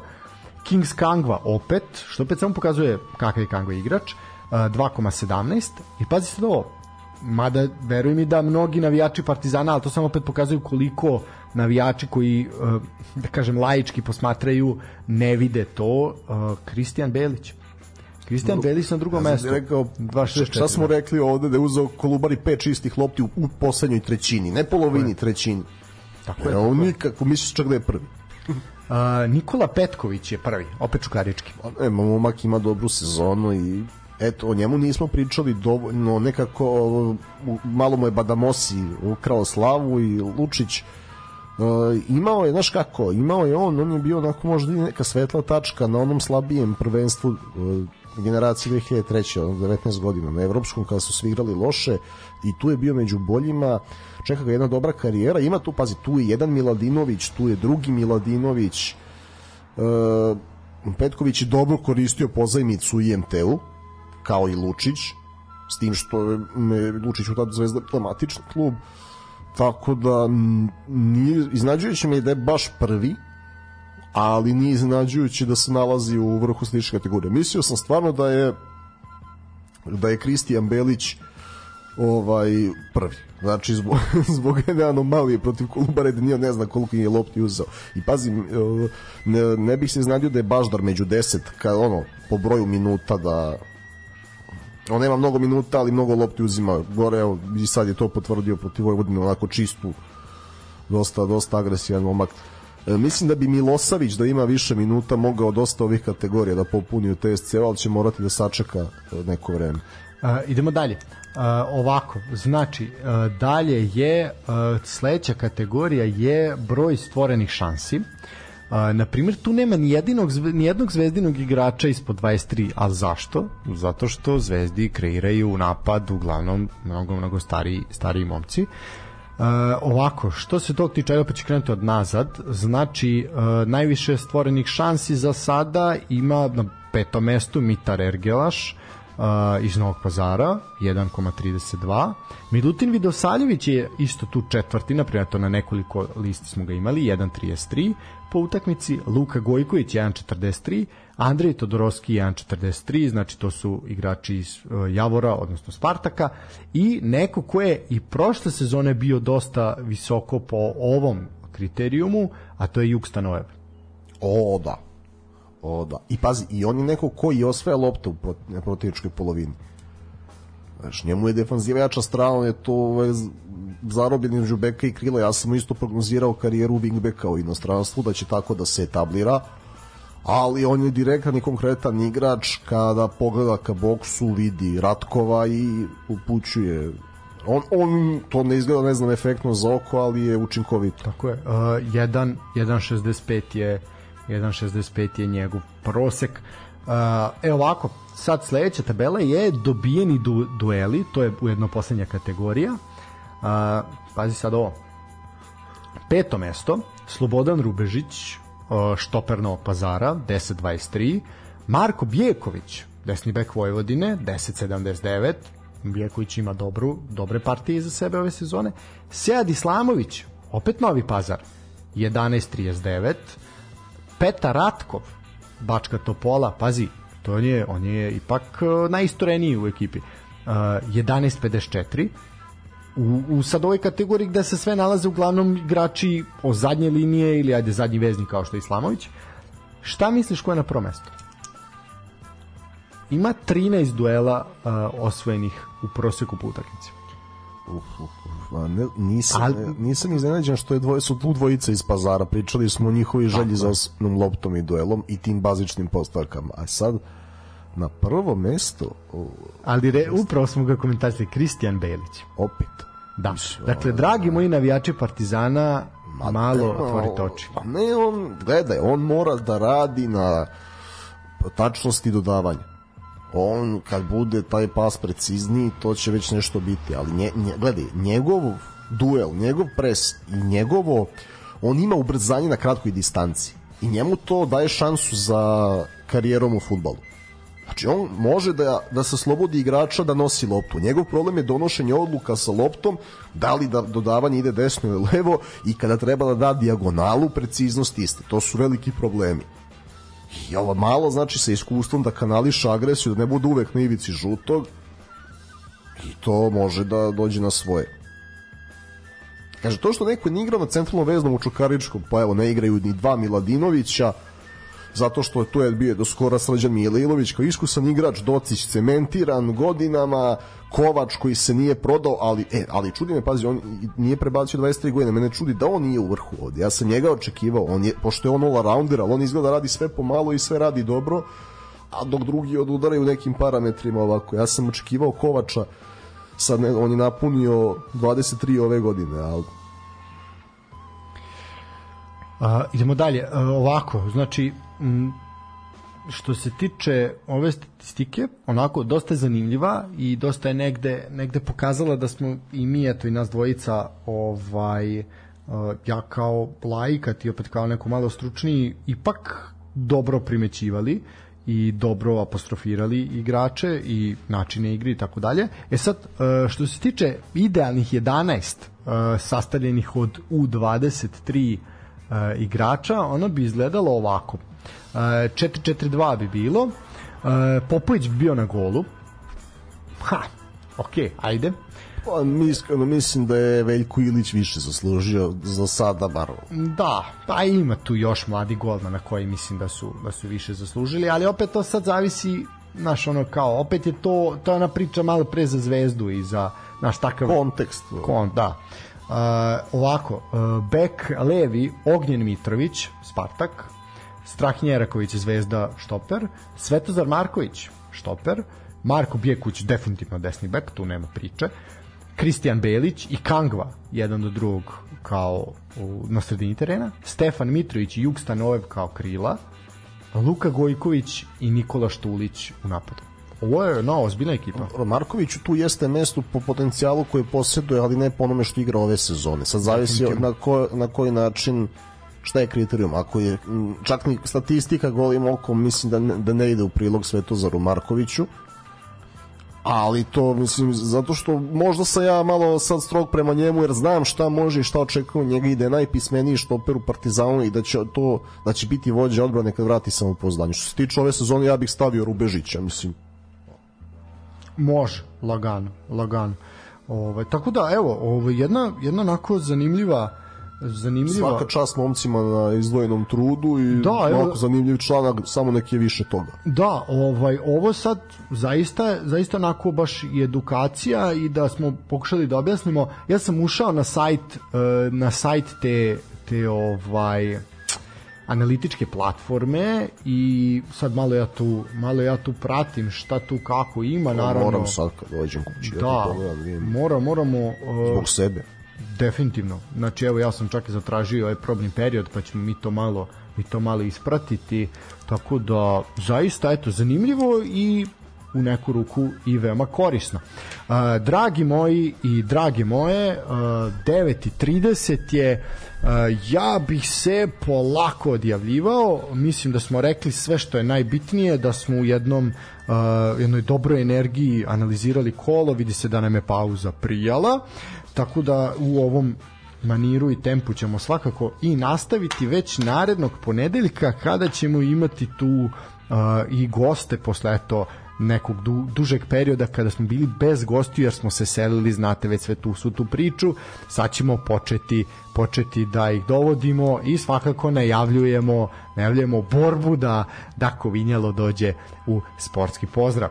E, ljudi, hva, Hvala svima koji su izdržali dva i po sata u dobri smo, live-u. dobri smo, da. Pritom imali smo, imali smo i muzike, dosta bilo je svega, mislim da je bilo dosta dinamično. Uh, dragi moji, uh, hvala što nas pratite, hvala što šaljete poruke, što učestvujete, hvala svima koji uh, interaktivno učestvuju tokom same emisije i to je zaista jako, jako pohvalno i nama mnogo znači.